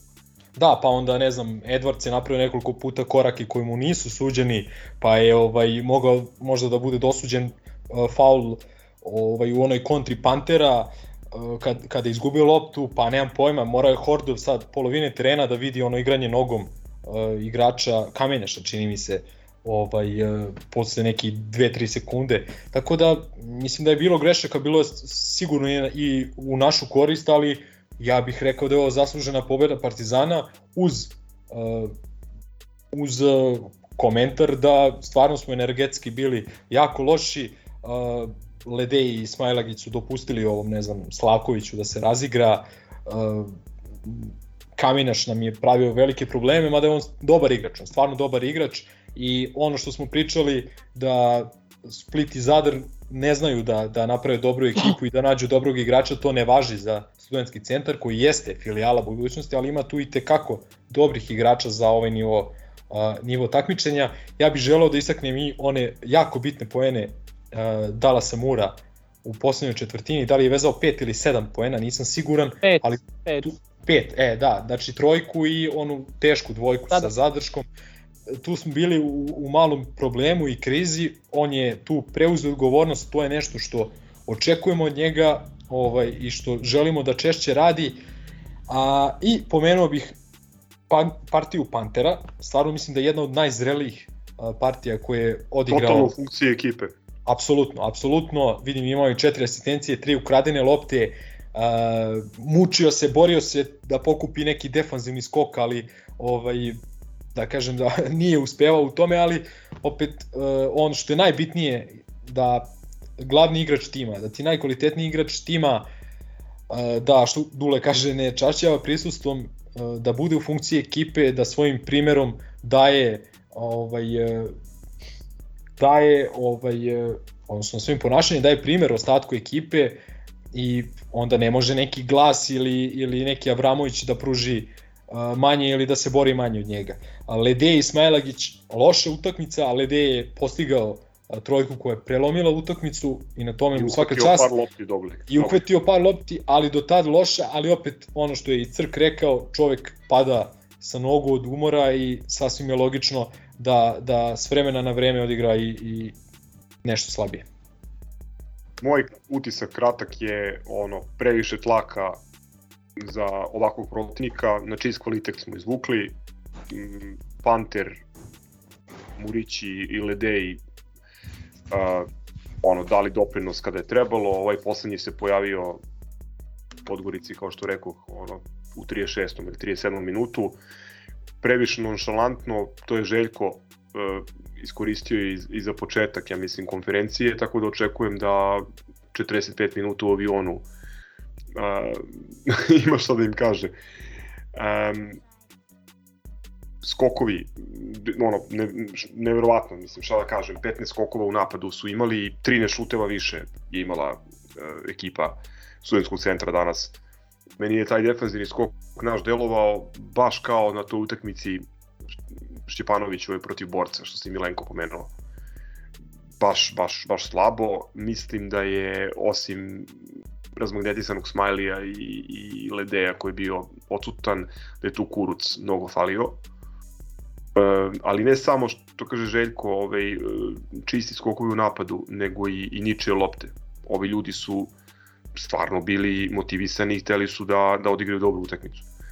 Mm, da, glavna dva utiska Panter u funkciji ekipe uh, i što je interesantno, Panter uh, ukupno danas je uzeo 7 šuteva, od toga samo jedan, znači jedan, jedan, jedan od jedan je imao za 3, a recimo Mur je imao 8 šuteva za 3 i, i 4 za 2. Uh, Glas imao 6 šuteva i tako dalje i Milenko je pomenuo četiri asistencije. Bila ona jedna situacija kada su, kada su imali kontru uh, sa dva igrača, kada je Panter, mislim, vedeta ekipe i čovek koji juri statistiku bi sam krenuo na polaganje, on je dodao, čini mi se, Avramoviću. Uh, to, mi se, to mi se jako dopalo. Um, takođe, uh, pomenuli ste obojica uh, ovu minijaturu u odbrani koju smo videli u samom finišu. Mislim, to jeste bilo iznuđeno jer su nam prodali pik uh, ovaj, kako se zove, bože, Pavlićević i, i Kamenjaš, ne znam koliko puta, ono, 4-5 puta, mislim, po, postalo je baš, baš smešno. Uh, ta minijatura defanzivna sa tri visoka igrača gde svi preuzimaju i gde ovaj, Smiley pomaže Ledeju i Balše koji je, koji je odigrao ovaj, pa realno slabu utakmicu danas. To mi se, to mi se dopalo kažem, previše tlaka za, za ovog protivnika, ali ajde, ove, što kaže Tufi, konačno da, da razbijemo Maler uh, u Morači, pa a, ove, prave stvari te dolaze. Ja nemam šta pametno da kažem, ove, osim da baš onako a, frustrirajuće loša odbrana ja bih, ja bih dodao samo još jednu stvar, pomenu ne mislim da je Milenko podsjetio na Slavkovića, uh, koji nam je pravio dosta problema uh, iz tog razlika što su njega čuli obično ili Samajlagić ili, ili Lidej, a čini se da je on dosta brži od obojice. Jeste da je niži i tu se vidi i otustvo koliko su nam falilo bilo kod trojke Zagorac, Rodi i Dangubić. Jer on ima nešto oko 2 metra, niži od Alena i Lideja i dosta brzo ih je i probio ih je i u par, čak je bili i par kontri gdje je pretečavao Smajlegić ostao na centru, on ide na polaganje. I tu mislim da mi više bi odgovarao bilo kod ove trojice da su tu koji bi mogao, on igrao ima četvorku, nebitno, da, su, da, da smo i mi spustili četvorku sa bilo kim od ove trojice, on bi pravio mnogo manje problema i mislim da mu evo, baš sam sad pogledao, da mu ovo druga najefikasnija utakmica u, mislim da je Ciboni dao više poena, jer nisam sad 100% siguran. Tako da je tu se isto vidi jedan nedostatak nekog igrača mi Trifunović je previše slab i nismo bukvalno imali nikog ko bi mog, koga bi mogli da stavimo na njega i da, da, da, ga malo, da ga malo uspori. Mislim sad kao da pričamo o Durentu, ali pravi nam je on, on, on problema, makar to ono što sam ja primijetio, da je u Morači onako mjesto za novinare na koje mi sedimo nije baš idealno, tako da moguće sam ja nešto pokušan shvatio i vidio, ali mislim da, da nam je pravi dosta problema, pogotovo ovoj dvici na četvorci. Videli smo mi, videli smo mi tebe i ovaj, u prenosu se video par puta. Tako da posebno je bila interesantna reakcija posle čini mi se trojke Ledeja, ovaj, tako da pusti snimak na Aha, areni znači, ili YouTube-u i, i vidjet ćeš. Znači, Ovo... bit, će, bit će mi zabranjeno uh, moja slika, to, to, to, to. Dobro. Ima da, ima da i, ovaj, neko da iseče video i da, i da pusti tamo ovaj, prosledit ćemo, prosledit ćemo svim podgoričkim medijima, pa ako te se sete, sete se. to, to, to. Izan se voli.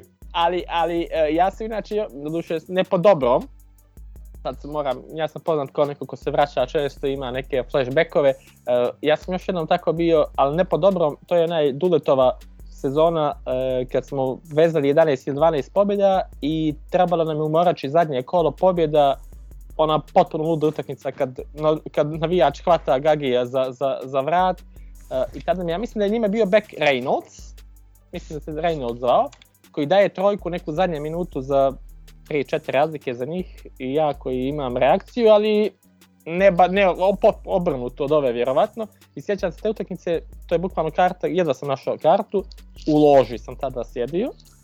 I sjećam se u tom dijelu lože gdje, se, gdje je tad sjedio vrh DPS-a sveta, uh, tri čovjeka su navijala za Partizan i svi slave oni.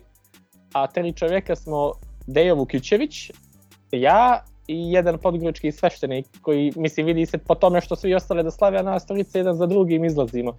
Tako da, nadam se da će ovaj, da drago mi da, je, da sam ostao danas upamćen po, po, tim, po toj reakciji, po to sam sam stisnuo pesnicu, ako se dobro sjećam. Ustao si, čini se si ono, skočio malo s mesta pa, pa da se da, vratio. Znači, čudo, čudo da me ne zove moj kontakt, da mi kaže Tufi, nema više, nema Sad više sam ulazaka. činio i više nikada. Nema više, nema više ulazaka, nema više ulazaka. E, drago mi je što ste pomenuli Kuruca, to je ono što ja pričam već neko vreme, imam utisak da taj čovjek drži odbranu Partizana dobrim dijelom ovaj, samim prisustvom na terenu, a posle i svojim, ne znam, atletskim predispozicijama i tako dalje. Sad je već priličan uzorak utakmica da to možemo i da a, tvrdimo da kad god on ne igra Partizan ima ogromnih defanzivnih problema ili problema u skoku. A, još jedna stvar koja je dobra je da u ove prethodne četiri utakmice koje sad baš e, komentarišemo, da smo u, čini mi se, svim utakmicama imali preko 60% za 2 i preko 40% za 3 poena. I da smo imali nešto veći broj asistencija a, nego u dosadašnjem dijelu sezone, tako da možemo da, da smatramo da što se napada tiče to polako dolazi a, na neko svoje mesto i još jedan utisak stvarno mislim pričamo o studentskom centru ali oni imaju stvarno odličan ovaj, odličan naziv koji je zapravo ovaj, potiče od sponzora e, i da su derbi banane, ovaj, tako da je ovaj, u svetlu, Aktualna priča. Ak, u, u svetlu ovih dešavanja u Crnoj Gori vrlo, vrlo zanimljivo eto, ovaj, tamo videti one banane Pa dobro, Pavlićević i, i Kamenjaš su igrali kod drogirani danas. Kada su pojeli kilo banana. pa ne, ne, ima onaj kao kad Erik pojede bananu, postaje banana man. E, ali pusti, pusti tu priču, mislim, ja gledam sada njihov, njihov roster, mislim, to jeste ono studentski centar, ali tu ima tri igrača koje će ovaj kolega podcaster verovatno da, da prekomanduje. Mislim, Kamenjaš, uh, ajde, ovaj White Trash, uh, Megi i pa dobro, Ilić ako se vrati, mogu ne, za... Ilić, mislim da Ilić završio što se sazbine košarke. Znači, on se pridružuje Starovlahu u aveni žrtava Aleksandra Đikića. E, ja ne bih... Ne, ajde nek ostane za, za posle podcasta šta ja mislim o Starovlahu i, i, i ajde kažem od njegovom načinu. Evo ne, ja ne, ću ne, ti kažem. Evo, evo šta je, ja smatram da je, uh, nemam neko mišljenje kao košarkaško njemu, ali mislim da je ponašanjem ono, na dobrom putu da postane Branko Lazić. Sa A dobro, ne baš, ne baš reakcijama na, na, na, na svaku odluku ovaj, začuđenim i šta ti ja znam. Znači koliko njemu treba staže da dođe do tog nivoa, čak i približno, tako da, da mora onda provede u ABA ligi još dosta, ali neke druge stvari mislim da, da njegov život nije baš naj onaka kako treba da bude jednog profesionalnog sportiste. Eto. Pa dobro, vidiš da nije ni Madaro, pa onda 18 pojena. dobro, ali Madar pada u Savu, ne ide banane. Da, da, da, da, da. eto. Ovaj, pošto smo već krenuli u triviju, prvo dve, ovaj, dve uh, napomene. A, prva je za, za našu stariju publiku, taj Erik je zapravo Danko Bananko, to je bio originalni SFRJ naziv tog ovaj, i malo asocirao na Danka Cvjetičana, iako nije bio poznat po lupanju banana. A, a moje pitanje je za Milenka, da li, da li znaš ovaj a, završeni karton, to predistoriju o, za Radionisa, ovaj, da vidimo da li on zakače baš svaki soj ovaj, koronavirusa od početka pandemije. Pošto ako je sad zakače Omikron, on je od Delte koliko? Pre tri, tri meseca je ležao, ležao isto koronu. Da, on je u septembru preležao... Da, Da, da, Željko tome na konferenciji za novinare. Objasnio je ovaj, šta se dešava. E, rekao je da mu je bilo muka i nije se osjećao dobro jutros, onda se kao je oporavio, međutim nisu hteli da rizikuju i Željko je baš pomenuo da je on preležao koronu pre dva ili tri meseca, toga se sećamo. To je prethodilo onoj povredi kolena, tako da ajde da se nadamo da nije zakačio ovaj, još Vidi, jedan vidi, to je toli, toliko primjera, imam ljudi koji su u to doba ovaj, preležali delta ovaj, soj i sad se ponovili da, ali ajde bar ono sreće u nesreći da ljudi obično lako preguraju i brzo se oporave. A, I, Što je za njih isto bitno, brzina oporavka. Tako je, i Dallas Moore je a, preležao, koliko ja znam, koronu ovaj, a, nešto pre kuruca, tako da za njih dvojicu znam sigurno su preležali Delta On, on, soj. je, on je verovatno vakcinisan sa Sinopharmom, pošto je tamo igrao. da, da, da, da. Evo vam jedna trivija.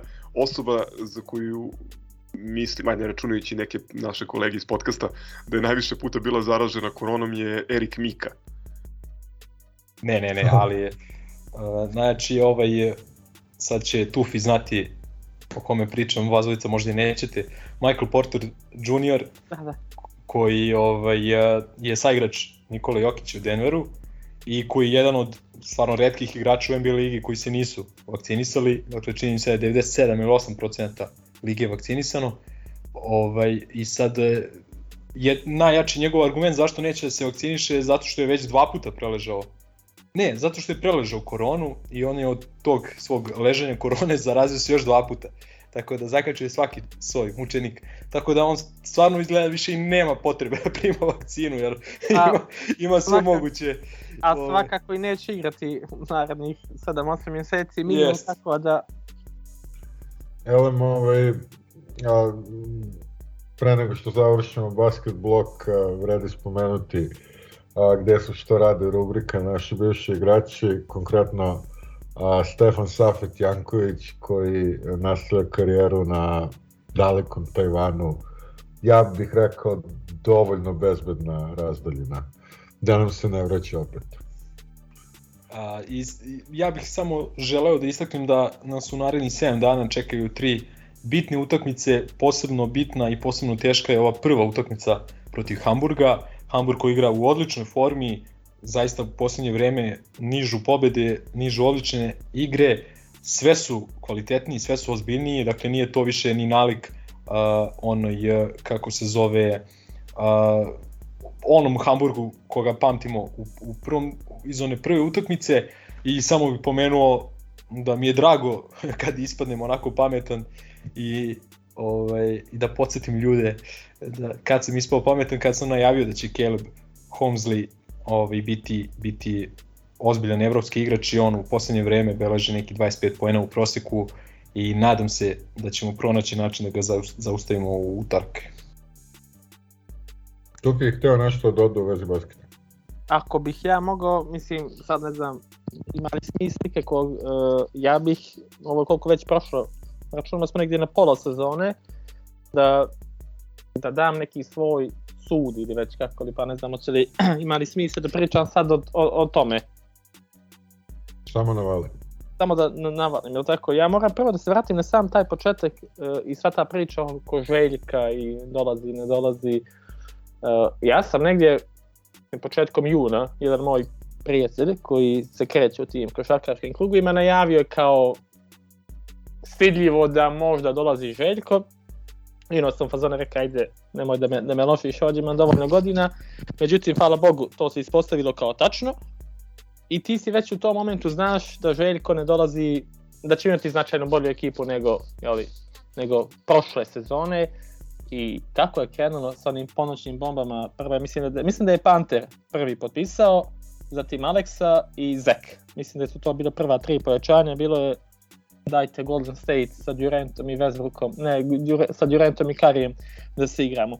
E, posle su ono, znate već kako su dolazili igrači, ako ja mogu da dam samo neke kratke crtice o, o, o našim igračima, e, najprijatniji ubedljiv iznenađenje meni mali Slovenac, srce, ruke, glas, jer u momentu kad je on izašao vijest da, da, da je on potpisao za nas ili da li je počeo da trenira s nama, uh, Željko ima taj običaj u Fenerbahčevu i u Panathinaikosu da u tim ljetnim mjesecima kad su igrači ili sa reprezentacijama ili na nekim produžnim odmorima, uvijek potpisuje, mislim potpisuje, da za trening, da bi imao što kvalitetni trening, uvijek dovode igrače da, da, da, da popune broj. Tako je Vuk Radivojević, mislim, igrao za Fenerbahče par mjeseci je bio u pripremnom periodu i stvarno sam mislio da je, da je mali Slovenac upravo iz tog razloga, međutim potpuno, potpuno oduševio je i ja sad vidim pojavljuje se vijest, mislim, pišu ljudi da liči na Bogdana, ja ne bi išao baš,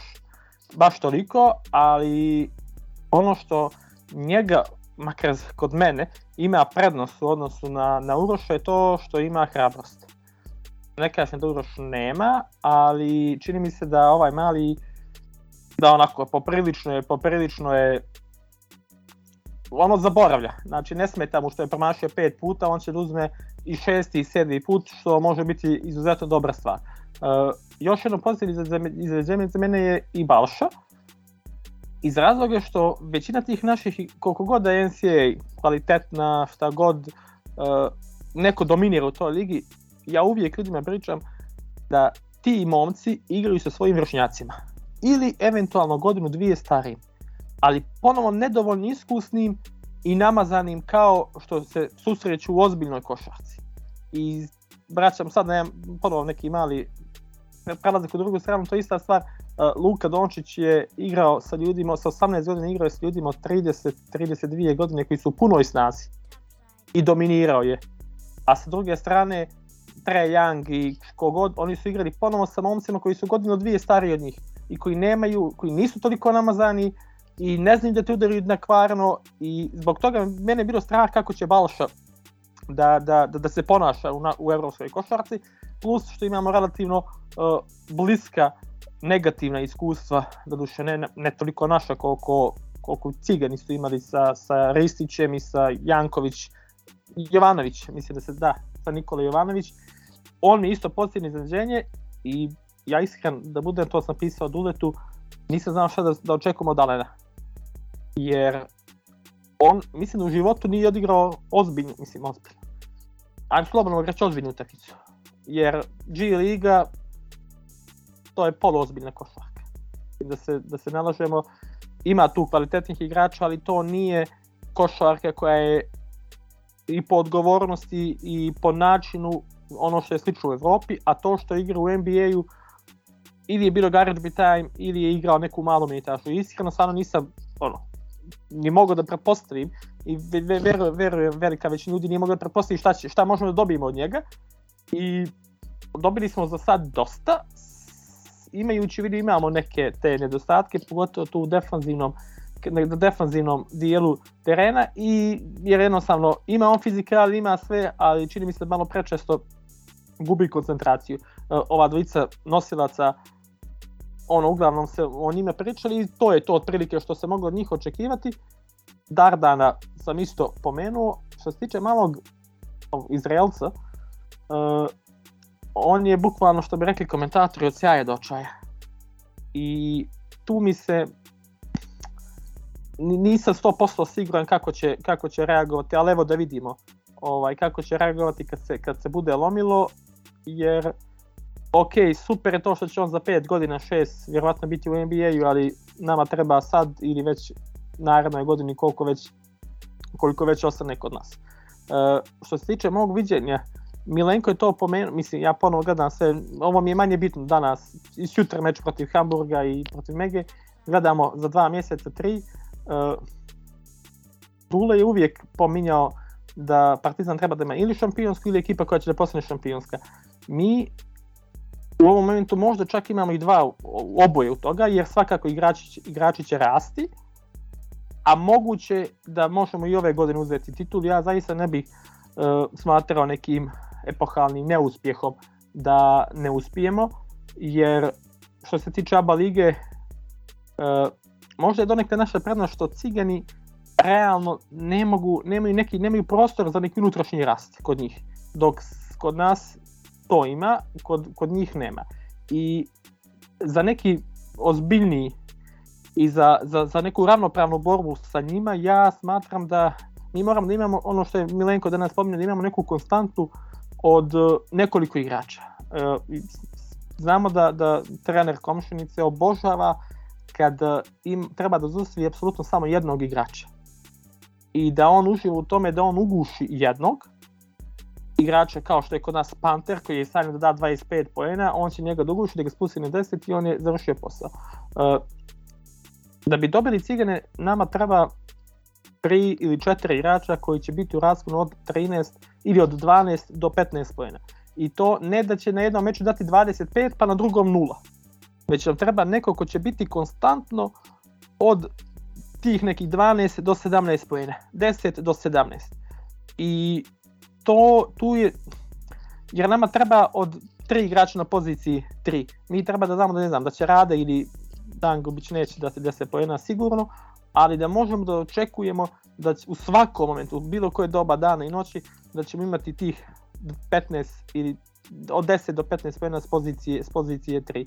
Jer u tom momentu mnogo će lakše da, da igra i, i Panter i neće moći da bude toliko udvajanja i jednostavno tu nam treba konstanta i iskreno se nadam da ćemo do, do, u narednih par mjeseci uspjeti da dođemo do toga da bi mogli da se, da se onako pobijemo, pobijemo sa njima uh, i tu me isto nisam siguran kako će ova dvojica koji nam igraju sad playa Madar i, i Mu se snaći, snaći na, na, na batine koje ćemo sigurno da dobijamo u, u, u duelima protiv njima što smo viđeli i u, i u prvom meču. Uh, da, pomenuo sam, zaboravio sam da preskočim uh, Aleksu, zaboravio sam da ga pomenem. Uh, ja nisam ljubitelj bio igre Aleksa Avramovića, jer jednostavno uh, meni kad neko da, ekipa ti izgubi 20 razlike, ti si dao 18 pojena ili 20, meni to ne znači previše. Jer jednostavno neko mora da da, to je ono, neku tim slabim ekipama mora da da poene. Ali se sjećam dobro uh, Željkov izjave da je on njega i Madara uh, tražio iz tog razloga što se vidjela glad za, za, za uspjehom. Jer Aleksa, iako ima 27 godina ili 26, on uh, bukvalno do sada nije igrao, iskreno bude nisam siguran komu je bio trener u Estudiantesu i prije toga u Italiji, ni približno, ni približno nije igrao kod trenera kao što je Željko. I Željko je pomenuo takođe da, da je imao, da je tražio za svakog igrača uh, onaj psihološki profil. I siguran sam da je u tom profilu pisalo da Avramovića možeš da gaziš, mislim da gaziš, da, da ne moraš da budeš nježan prema njemu. Jer vidi, mislim sad već ono legendarno Aleksa, Aleksa i Aleksa, tako da uh, Aleksa može da, da, da, da pogotovo u tom defanzivnom kraju terena koji, koji će nam svakako trebati da, da uradi više i samo kad bi, nadam se da će uspjeti da, da malo iskontroliše neke momente uh, koji podsjećaju na divljinu u napadu. Znači, onako kad, kad bukvalno ne vidi ništa, nego samo krene da, da, da šutne i to je to. Tako da, Aleksa, nadam se da ćeš potpuno krenuti moje mišljenje o tebi. Na putu si, ali nisi, nisi još uvijek potpuno ubijedio da, da mislim, igraš sasvim solidno, ali moraš još malo da popraviš neke stvari da bi mogao da, da kažeš da, da u potpunosti, potpunosti zaslužuješ ovaj naš dres i da te ja makar zavolim. Eto, toliko što se tebe tiče i iskreno e, nisam siguran šta mogu da... Da, još jedna stvar, kažem, nisam... Nije totalni fijasko ako ne uzmemo trofeje, jer ljudi trebaju da shvate e, ABA ligu imamo komšinicu, imamo budućnost ozbiljne ekipe sa ozbiljnim trenerima, što god mi misli o komšinici, e, čovjek umije da funkcioniše u, u tom sistemu i sa, sa tim igračima, na nama, ja sam siguran da oni nemaju mnogo prostora za napredak, ovo je to što su oni igrali neki njihov maksimum, eventualno nešto malo, jer jednostavno nema ko da, da iskoči, to su igrači koji su u nekim zrelim košarkaškim godinama, a budućnost takođe Žile u sve neke on, njegove probleme koje ima i sve, on je izuzetan motivator, pogotovo kad dolazi iz te underdog situacije, a siguran sam da će biti takav i protiv nas i protiv komšinice, tako da nije smak svijeta ako ne uzmemo. Sa druge strane, u, u Evrokupu, totalno debilni sistem takmičenja, ja, mislim, stvarno, kad god pomisliš da te uh, Uleb ili već kako li se zovu, ne može iznenaditi na gore, oni ja, ja ne umijem da definišem stvarno ko je došao na ovu ideju, jer igraš 4-5 mjeseci, igraš 20 mečeva i dođeš protiv Ulma i neko ti strpa 25 trojki i čao zdravo. Znači totalni debilni sistem, potpuno debilni, ja, ja mislim oni su šta, nije mi jasno šta su pokušali da urade sa ovim sistemom, uh, igraš 30, ne, igraš 18 mečeva i čao. I onda izgubiš, a može se apsolutno svakom desiti. Evo, hipotetički nam u osmini finala dođe Olimpija. Ili ti dođe bilo ko, Ulm, šta god. I onda već ti u četvrt finalu, sad, ako gledamo sad, tebe može dođe Valencija. Valencija ili, ili Virtus. Ja sad pričam onako kako je trenutna situacija. Ili ponovo Gran Canaria koja isto može da jer taj sistem je tako napravljen da, da ne vrednuje potpunosti rezultate koji su bili u, koji su postignuti u regularnoj sezoni. Već oni hoće da, da naprave neku neizvjesnost. Ja iskreno kažem, eto da završim s tim, nisam potpuno razočaran ukoliko ne budemo igrali sledeće sezone Euroligu. Ono, treba ljudi da, da, da, da spuste. Jeste Željko je tu, ali nije ovo futbol menadžer ili basketbol menadžer, kako li se već zove ovaj novi, da, da nije to na dugme i da ništa ne dolazi preko noći kogod da je kogod da je da je na trene na, na, na, na klupi i koji god da su igrači potreban je potreban je rad. Evo, Dule sad priča, ali Etkebeli subacio 19 trojki. Šta da radiš ti protiv takve ekipe? Koja šutne tako. Ćao, zdravo, ti daš 10, 12 i izgubio si. Džabe što si imao 15 pobjeda i 3 poraza u regularnoj sezoni. Tako da, nadam se da će, evo, čućemo se u martu kad budemo dolazili, tu, tu ćete već znati malo više pa da, da vidimo šta će biti, ali nadamo se makar jednom trofeju. Ja sam zadovoljan, a, a ne kupom, ne kupom, to se, nego ili ABA ili, ili Evrokup. Nadam se makar, makar jednom, ali neću biti razočaran ako ne bude ni jedan. I nadamo se da će u pioniru biti protivnici mnogo teže da, da pogađaju te silne trojke. Ovo isto tako... Dule, izvini, zaboravit ću. Pošto, evo, potpuno zaboravio, moram, dosta sam hvalio, moram stvarno da, da, da, da, da iskritikujem našeg e, predsjednika. Izašao je pre neki dan u, u no, intervju je bio, zbog ovog svetskog prvenstva u atletici mi ćemo izgubiti milion eura. I on to sad saopštava. Ja sam sad nisam stvarno gledao kada, ali ja sam siguran da je to e, svetsko prvenstvo zakazano prije više od godinu dana.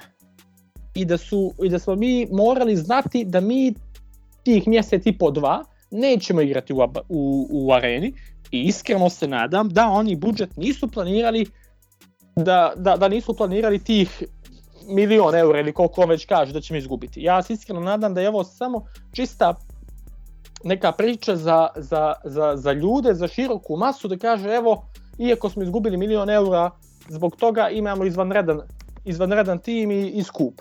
Iskreno se nadam da je, da, da je on sa tom izjavom izašao samo zbog da ono, ljudima kaže, evo vidite kako sam ja uspješan, iako, iako nismo mjesec dana tu, iako nismo dva mjeseca u areni, sastavili smo vrhunski tim. A, to priča političar iz njega, čini pa, mi se... Pa, pretpostavio sam. Mislim da je mnogo, mislim, Željko to ne, ne želi da radi, ali mislim da je mogao da, kad trener već ne pravi sebi alibi, ali mogao je možda on da kaže, da pozove navijače na strpljenje, na eventualno mogućnost da lošije šutiramo u početnom nekom periodu u pioniru, jer opet menjamo dvoranu, bit će tu veliki problem organizacija treninga, a, komšinica igra tu, vidimo da oni imaju veliki broj zaostalih mečeva, kako će se to sve nadoknaditi, koliko će biti prostora za trening. Partizan sada nema prvenstvo odlučivanja kada će i koliko da trenira u toj dvorani. Menjamo dvoranu sada, pa menjamo opet i to pred najvažniji deo sezone. Mislim da je to mnogo veći problem iskreno od bilo kog nedostatka u kasi, a iskreno sa ovim posetama u poslednje vreme i sa ovim novim sojem korone, ne verujem baš da bi bila krcata arena protiv Andore ili ovaj Metropolitana, a da ne pričamo a, šta nas čeka i Gokeja ili, ili šta ti ja znam. Tako da a, mislim da više sportski gubi Partizan prelaskom u pionir, naravno očekujemo i nadamo se da će atmosfera na utakmicama biti bolja, da će protivnicima biti teže da igraju, ali opet nije, nije zgodno menjati dvoranu to posebno pred bitnu utakmicu kao što je ova protiv Hamburga. Ovaj basketikal je opravdao ime i baš se razvukao, ali moram da, da, da kažem još jednu stvar, Tufi me isprovocirao, um, jeste ovaj, ovaj revolucionaran novi sistem problematičan jer otvara mogućnost da te ono jedan outsider sa neverovatno dobrim šuterskim danom sahrani i da ti uništi sve što si radio prethodnih 6 ili 7 meseci, ali s druge strane mislim da da zaista u, u pioniru nama m, jako malo ekipa u Evropi može, u, znači u ovom krugu može da napravi problem. Za početak očekujem da ta utakmica protiv Lokomotive da bude na nivou one koju smo gledali pre, pre dve sezone, koja je jedna od najboljih atmosfera u poslednjih ne znam koliko godina, uh, koju ja pamtim u Beogradu. Da, I to je druga- moja, moja jedina te, utakmica u toj Goran Vesić renoviranoj areni. I druga stvar, uh, mislim da je, uh, da, da, postoji rizik da će neki Lijed Kabelis ili neki ovaj, Hamburg da podivlja, ali uh, mislim da je u ovakvom formatu uh, mnogo lakše rešiti, na primjer, Valenciju ili, ili Virtus, pošto nisam siguran da su to uh, u ovom trenutku ekipe koje mi možemo da dobijemo lagano m, dva puta u, u seriji. Tako da ovaj, postoji i taj alternativni argument, pa, pa vidjet ćemo. Ja, ja mislim da smo mi u areni, eh, pardon, u pioniru, apsolutni favoriti protiv svake ekipe. Eh, E sad samo da se cela situacija sa, sa covidom normalizuje i da ovaj, uđemo eh, sa imunitetom krda koje sad čujem kažu, kažu ne postoji, ovaj, uđemo u, u, u taj najbitniji deo sezone i mislim sa Željkom na čelu ja, ja zaista imam potpuno poverenje u, u, u, u ovu ekipu. Kao što imam jedino velike napetosti i potrebu da popijem neku pilu za smirenje kada gledam vaše utakmice.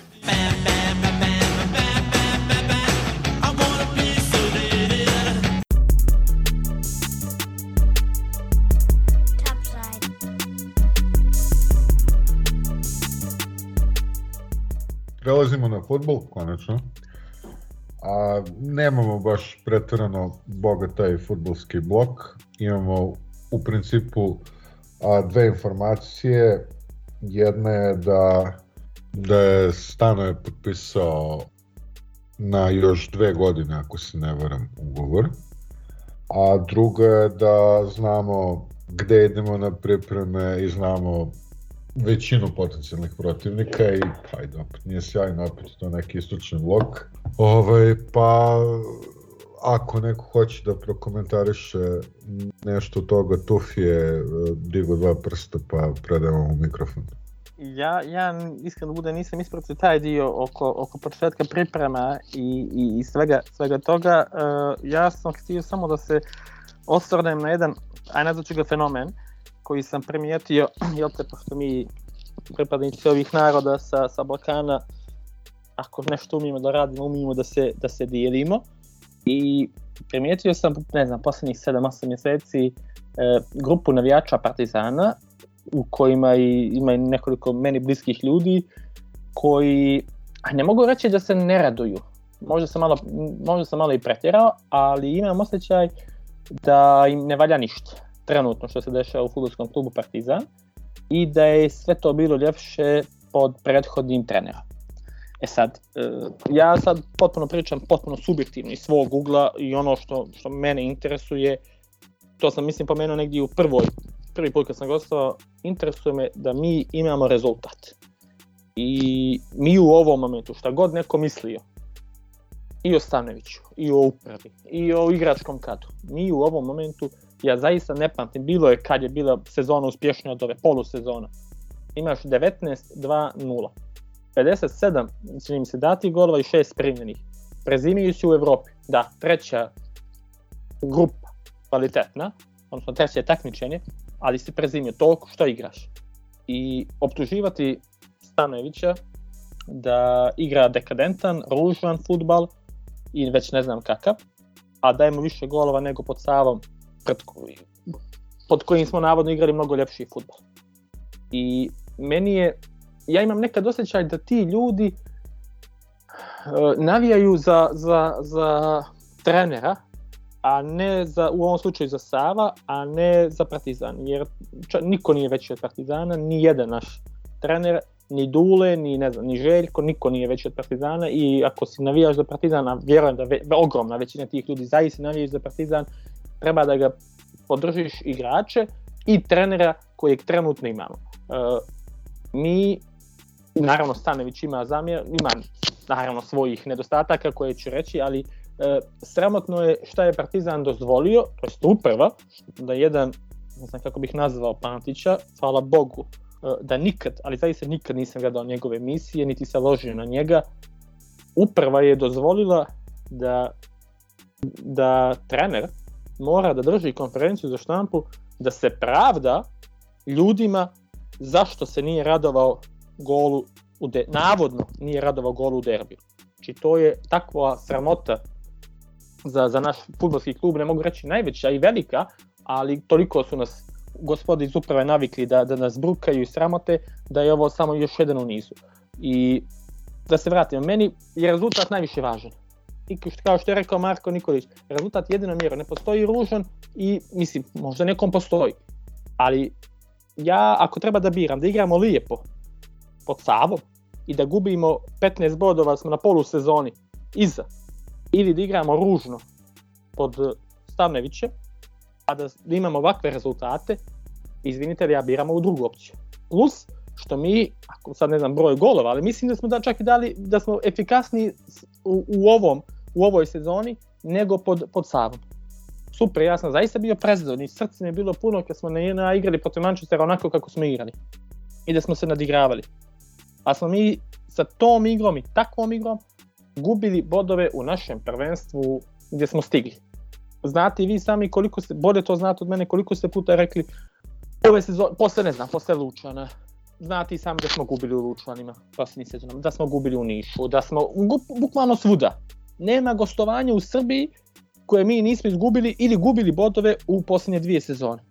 Ja, ono, vi to sigurno bolje znate od mene, ali i mislim da, da, da ja potpuno razumijem da je nekom Savo prirastao za srce. Mene je stvarno mio. Ali u ovom momentu je naš trener Stanović. Ljudi ne treba... samo da je naš trener, nego je produžio ugovor, naš dve da, godine. Produži... Tako da je cela ova priča potpuno deplasirana. Mislim da to je to. ono, osim ako se ne desi sad neki, neki baš težak fijasko. Vidjet ćemo šta će, vidjet ćemo da, šta će, šta će, e, vidjet ćemo šta će biti. Kažem, e, mislim da ljudi trebaju sad, nismo uzeli titulu četiri, čini mi se, sezone, e, da treba sad da se, vidjeli smo kakav je izjavu dao doktor Tvorzić, e, da, da mi treba ti koji da, da, da, da se stisnu i da, da se zbijemo redo ovih, ne znam, koliko imaš, 20 nema 20, ali imaš 15-16 kola, da, da, da, da se pruži podrška igračima i treneru, što god vi mislili privatno o njemu ili ovakav ili onakav, eh, on je naš trenutno i bit će, nadam, mislim, nadam se, bit će i u narednom, narednom periodu eh, da se uzme titula i vidjeli ste sami da, da u nekom narednom periodu da će nam i ta titula mnogo da će nam dati veće priliku da igramo u, u, u grupama evropskih takmičenja i da, da ka, kažem da, Stanović ima to sam Duletu pisao često da ima mana, ali realno on, mislim, da li on ima njegove krivice u igračkom kadru? To što su uh, nemamo što nismo imali rezervnog špica dok se Super Smederevac nije nije pojavio i mene je nerviralo kad na 4-0 u 70. minutu Ricardo igra, a on nam je jedini špic, pa ono svaki put kad se uhvati za koljeno molim se Bogu da, da nije ništa strašno jer nemam, u tom momentu nismo imali rezervnog špica, ali samo je to još jedna poruka da treba da nam je Partizan ispred svega i ispred naših ličnih afiniteta, jer ako nešto kao voliš, kao što kažeš da voliš i da ti Partizan sve, ili da ti je važan dio svog, tvog života, onda treba nekad možda svoje lična ubjeđenja ili već mišljenja da ostaviš možda malo po strani i da se ti žrtvuješ tvoje mišljenje da, da, da bi pomogao Partizanu da osvoji titul, jer ja zaista mislim da je i priča uh, ne znam, sad igramo protiv koga, bude 200 ljudi ili bude 1000, mislim u Evropi ovo zadnje kolo i već je bilo, nije zadnje, ili bilo jedna utakmica gdje bude po 1000 ljudi. I onda se, oni su sami sebe nazvali Sabini svedoci, uh, kažu eto to je to zato što ne igramo lijep futbol ja mislim, evo koliko vi bolje pratite i duže pratite od mene Partizan, ali mi nije da smo mi e, imali kroz isto, mislim kroz isto, kroz zadnjih 15 godina nekoliko super da igramo 5 sezona ili da se često pod, naši ponavljaju ti super atraktivni mečevi gdje mi igramo lepršavo ili već ne znam nija šta. Imaš Manchester, imaš STAU u Beogradu 4-2 i ne znam da li ima, vjerovatno ima još neki meč koji sam ja preskočio ali to, to treba ljudi da shvate, to je ono što je vidi je priča da mi treba da igramo, ne znam, prvi futbal i mislim da se mu ti crki ili već neke rekao da, da to nije toliko često da su u stvari ti lijepi mečevi incident koji se dešavaju jednom u, u ko zna koliko vremena. Tako da poruka za sve, sad evo me kaže Đani Čur, Čurčić, poruka za sve da se zbijemo redove ovih 3-4 mjeseca, da ostavim svoje lične mišljenje po strani, da se žrtvujemo za ovaj klub valjda koji svi, svi toliko, toliko volimo i navijamo i zbog koga se toliko nerviramo i zbog futbolskoga i treba se nam i za košarkaški klub. To je jako dobra poruka i to je prava poruka jer mislim da je poslednje sezone kada smo uzeli duplu krunu pod Markom Nikolićem bitan deo tog uspeha, osim naravno ove individualnog kvaliteta i homogene slačionice, bila podrška uh, sa tribina ili izvan stadiona čak u nekim, nekim situacijama tako da mislim da je to da je to jako jako bitan preduslov. Malo, malo romantizuješ uh, a, te sezone je do nekih pa negdje do, do Ketsa na krovu legendarnog a su u prosjeku bilo dva čovjeka i pas. A, ljudi koji su bili na stadionu, nebitno da li to bilo 10.000, 15 ili 1000, su bili usredsređeni na, na teren, na podršku ekipi, o tome govorim, a nije bilo ono gunđanja i konstantno Pa bilo je manje interneta i da, to, to je tako. E, ovaj, e, da, ali mislim da je, razumem zašto je Tufi koji nam dugo nije, nije gostovao, zašto ima potrebu da, da ovu temu pokrene, ali mislim da je ta sa tema baš ono pa se, jer... Pa dobro, ali jed, šta, mi, pod smo jedan... obradili, mi smo obradili a, samo, da kažeš, u ovoj sezoni u jedno, bar pet, ako ne i više podcasta, da. vrlo detaljno. Ali mislim da je, mislim da je sad totalno ono, pa se, da ne kažem da je zabetonirana zato što pod jedan Stanović je produžio ugovor, pod dva mogli smo da čujemo na stadionu šta ljudi koji dolaze redovno ove misle o o situaciji oko trenera, tako da mislim sad šta ko piše na, na Instagramu i na Twitteru, to je to je manje bitno. Uh, ono što što se desilo, da, nije bilo puno nije bilo puno novosti. U sredu su bila na tradicionalna merenja i, i govorancije. Ja ovog puta stvarno nisam imao živaca, a ni ovaj, želudac nije bio pripremljen da sluša ovaj, uh, Milorada Vučelića. Um, Če merenje, koliko je dežmek lagno, šta, šta misliš da li... nemam, nemam tu ovaj, insajdersku informaciju, zanima me ovaj, to i zanima me kakvi su trigliceridi, lolini. Šalim se, ovaj, ono što je bitno je da uh, zbog situacije sa pandemijom uh, u, u, na Kipru, da je promenjena lokacija za za pripreme i ponovo idemo u Belek i to je uticalo i na uh, imena protivnika. Vi ste rekli istočni blok, ali ja bih to malo ovaj, konkretizovao, pošto nije to baš toliko loše kako deluje ovaj na prvi pogled. ok, otvaranje sa Tikvešom, a, zatim Gaziantep koji trenutno mislim da je 8 ili 9 u Turskoj, a, treća provera 2. februara naj, najozbiljnija protiv Dinama iz Moskve, oni su u trci za titulu, drugoplasirani su trenutno u Rusiji, ali mogu da stignu Zenit ili jedini su koji mogu da budu konkurentni Zenitu. I četvrta provera stari znanci Dinamo Batumi, peta utakmica je otvorena i dalje, S tim što naravno svi ljudi koji prate Partizan i, i pripreme znaju da to što stoji da će oni igrati protiv Tikveša, Gaziantepa, Dinama iz Moskve i Batumija ne mora znači ništa jer se često desi da se na recepciji hotela ili na samom terenu pojave neke totalno druge ekipe. Um, takođe, ono možemo da očekujemo verovatno Ural ili legendarnu Krakoviju da se pojavi u nekom trenutku ovaj, u Beleku, ali ajde vidjet ćemo. Mm, vidjet ćemo i da li će biti nekih promena u, u ekipi. Svi su dali ovi koji su pričali, tu pre svega mislim na a, trenera i sportskog direktora onako neke, ajde kažem, opuštene izjave ili nije bilo nekih velikih najava. Deluje da, da se očekuje da možda pre odlaska u Tursku potpišemo zadnjeg veznog, ali vidim da i to ne ide baš toliko lako. Vidjet ćemo kada se desi, odnosno ako se desi ćemo komentarisati. E, ponavlja se priča da smo dobro popunjeni, e, mislim da se očekuje da neki igrači koji su iz ovih ili onih razloga jesenas bili ispod očekivanja, tu pre svega mislim na Holendera, e, pa delimično na Jovića i delimično i na Pantića, da se oni sada dobro pripreme i da pruže maksimum. Vidjet ćemo, ja, ja bih voleo lično da, da možda pojačamo konkurenciju na bekovima, ali pitanje veliko koliko je to realno. Istovremeno naši protivnici ovaj, u, u, u šestini finala uh, Ligi konferencije oni su već krenuli sa pripremama, odigrali su dve utakmice, ako se ne varam, ostatak priprema provode u Španiji, jednog igrača su prodali, jednog su doveli, onako, bit će to ozbiljan test Dobro, za nas. I ja sam počeo pripreme, prebacio sam se na češko pivo. Ove, a, I dodao bih jedan, smijem se, plakao bih a, a, moment, to je da ovo sa Stanovićem ništa ne znači jer je predsednik kluba, da mu ime ne spomenjem, a, izjavio da Stanović ima ugovor do 1924.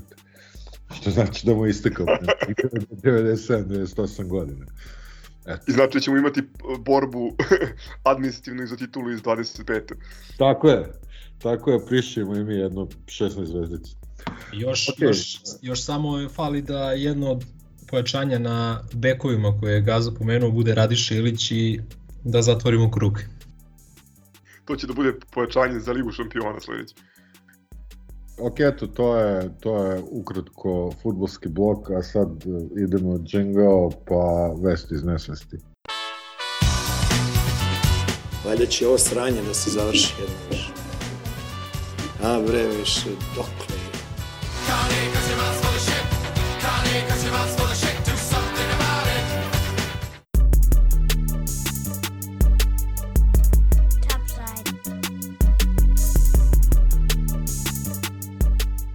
Ništa, ajmo, ajmo, prelazimo.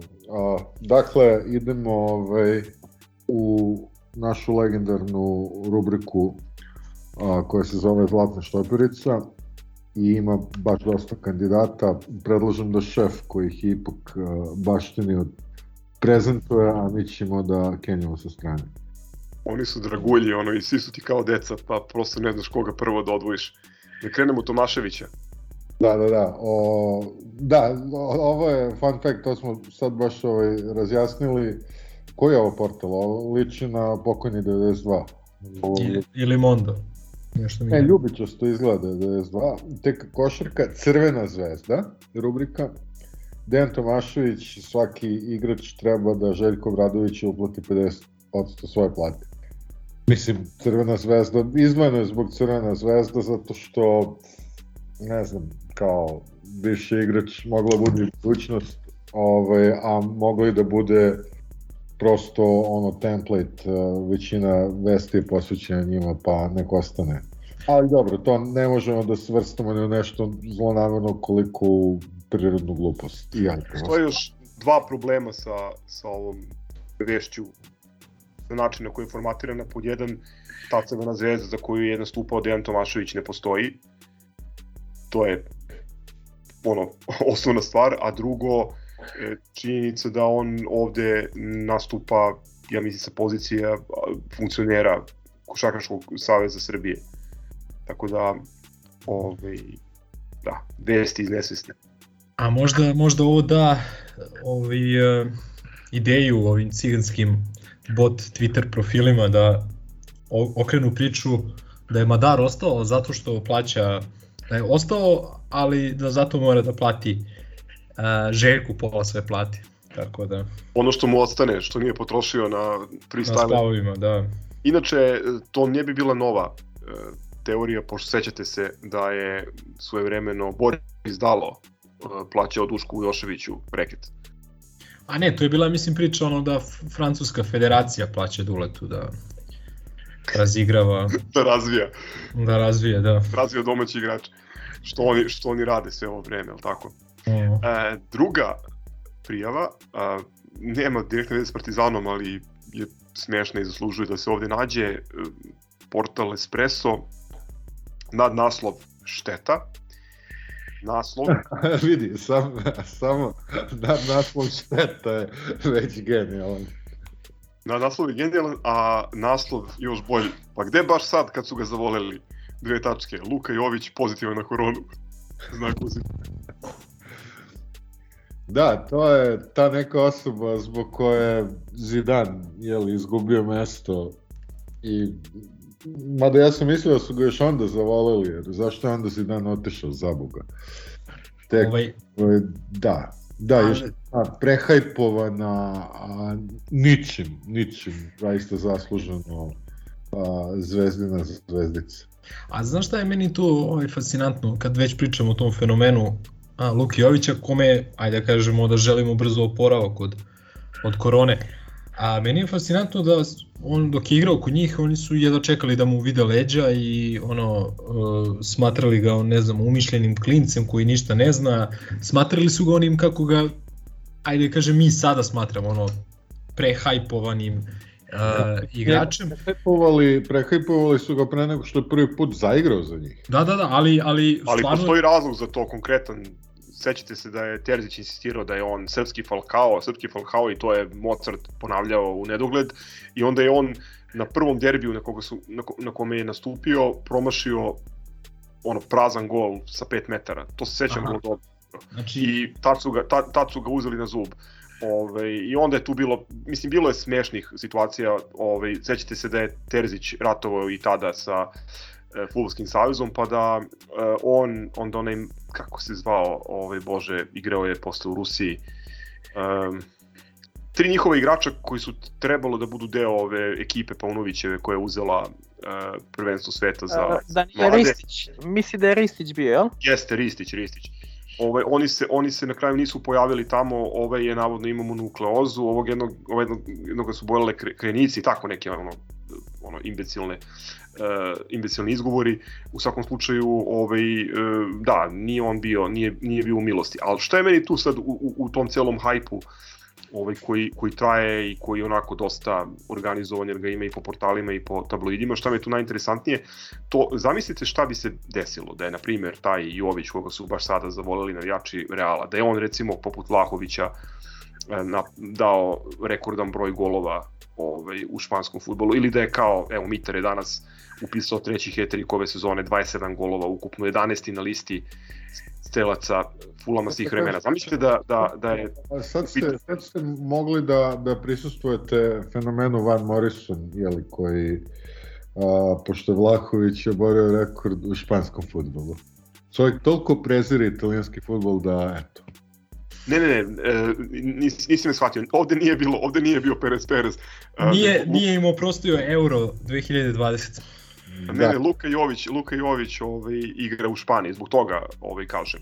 Hoću da vam kažem da e, je kojim čudom njihov bivši igrač u ulozi Vlahovića ili u ulozi Mitrovića, ili da Jović ima takvu formu u, u Španiji, ne bi se moglo živeti, ali bukvalno.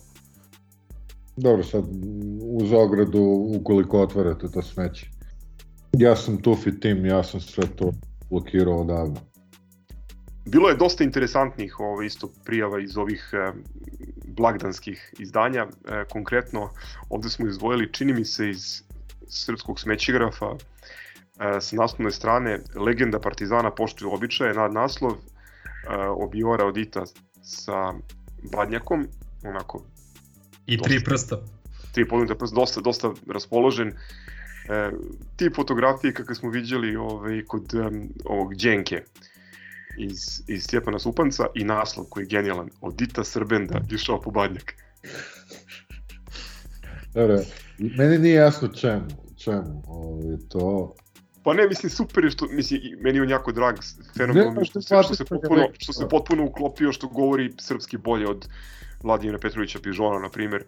Ja Ovaj, kažem, meni je Obiore Odita posebno drag jer a, tada a, mali Milorad od 4,5 godine prva utakmica koju smo gledali bila je i to u doba onog bojkota kad je jug bio prazan a gledali smo Partizan Vojvodine i Obiore zabio jedan gol za nas.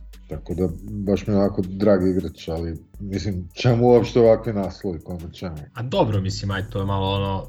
popunjavanje malo- prostora. Jeste i malo populistički, ali, ali činjenica da stvarno djeluje da se Odita ono, da je pronašao neku svoju obećanu zemlju i da on stvarno uživa ovde, koliko ja znam, on, je, on se i oženio srpkinjom, čini mi se, ovaj, i da već godinama živi.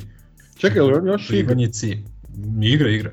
Još je u Javoru, a? Da, da, da. Tako Koliko- da ovaj, svaka mu čast i Lučani, ono, nije, nije u Javoru, nije ni bitno. Lučani, da, da. Mislim, meni je ovo, ovo mi, mislim, to sve što kaže Milenko apsolutno stoji i, i jako je lepa i pozitivna priča, meni je ovo smešno samo za, zbog naslova od Dita Srben da išao po Banjak i zbog I- toga što što su, obično, ga, što su ga svrstali u legendu Partizana, može to možda to je, to je smešnije. isto interesantno, a zato što smo obično navikli da ovakve stvari viđamo kada su u pitanju uh, igrači iz komšiluka koji... E, dobro, nije ništa, nije ništa zlonamerno, tako da ne zameram nešto. E, ali kad smo, kad smo kod toga i povezan sam sa, sa komšilukom, sledeći, sledeća objava, uh, u pitanju Nova Ares, uh, novi špic Zvezde već progovorio srpski oduševio navijače. Ovo je, ja mislim, treći ili četvrti talas objava u medijima gde saznajemo da Ohi, Omu i Džuamfo ili kako već ovaj, govori srpski i kako se kako jedva čeka da se pojavi na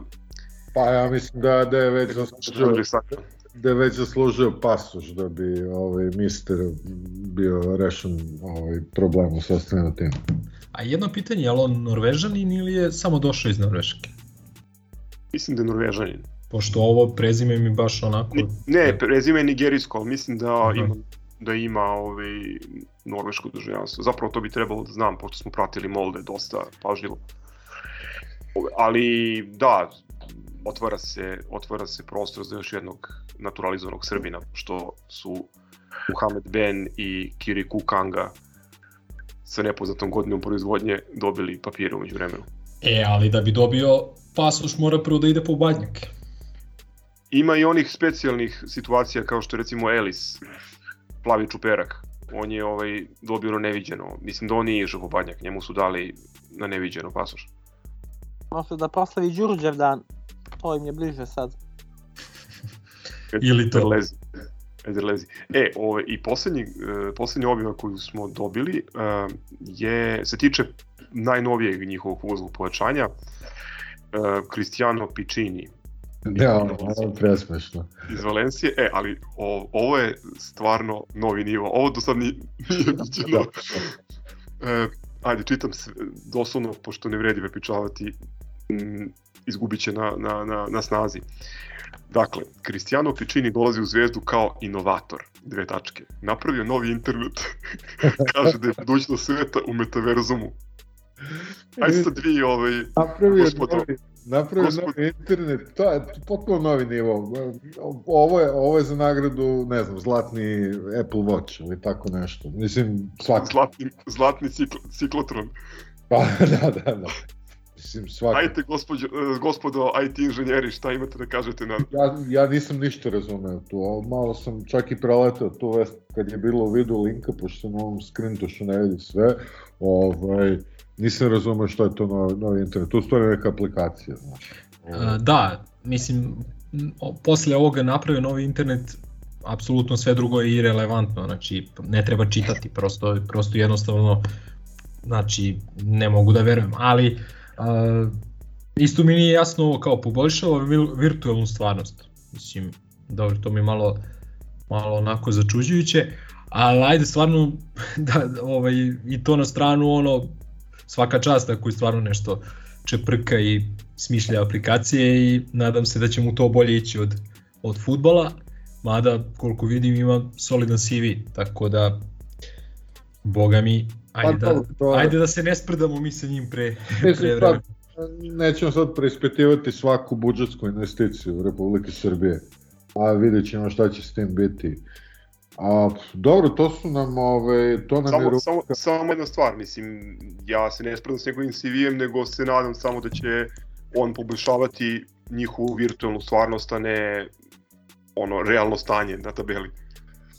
A, sad, nemamo ništa izdvojeno za rubriku Kutak za ništa sporno trenutak, ali mislim da moramo da spomenemo jednu stvar, a, znate da je Kutak za ništa sporno trenutak nazvan po Mirku Poledici i njegovim ne znam, bilo je nešto oko nekih uh, ciganskih penala, krađa, gde on bez blama napisao ništa sporno.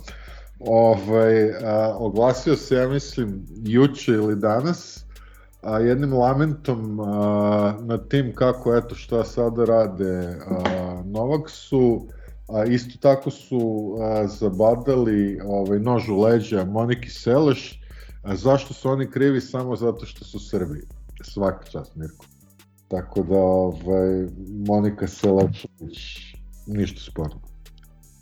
Pa dobro, mislim, ako može Ohi, Om, Omufijanđa ili kako već može Monika Pa dobro, Malamo. Paraditas, hvala Bogu. Naša Malamo. Ove, je li imate nekog da pozdravite? Evo, ja bih počeo od, uh, da ne zaboravim, da pozdravim historikalci iz Pjevalja.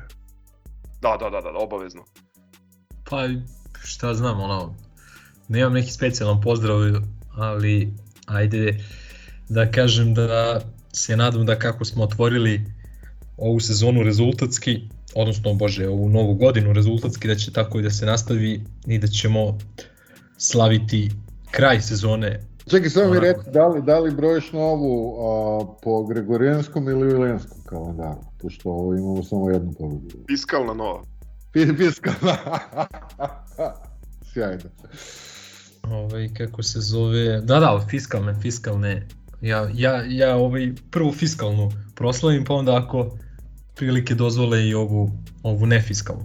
Ali ovaj, šalu na stranu, stvarno pozdrav ljudima koji nas slušaju, uz nadu da će ova godina biti po svemu bolja od prethodne, pa i po rezultatima Partizana u svim sportovima kojima se takmiči.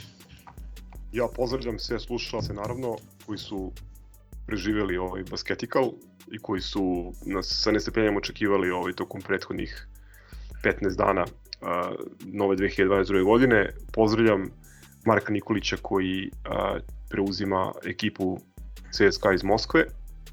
Pozdravljam Aleksandra Mitrovića koji je dao više golova od 32 profesionalna futbolska kluba u, u Engleskoj i pozdravljam e, predsednika udruženja košakaških su, e, sudija Crne Gore, Igora Dragovića.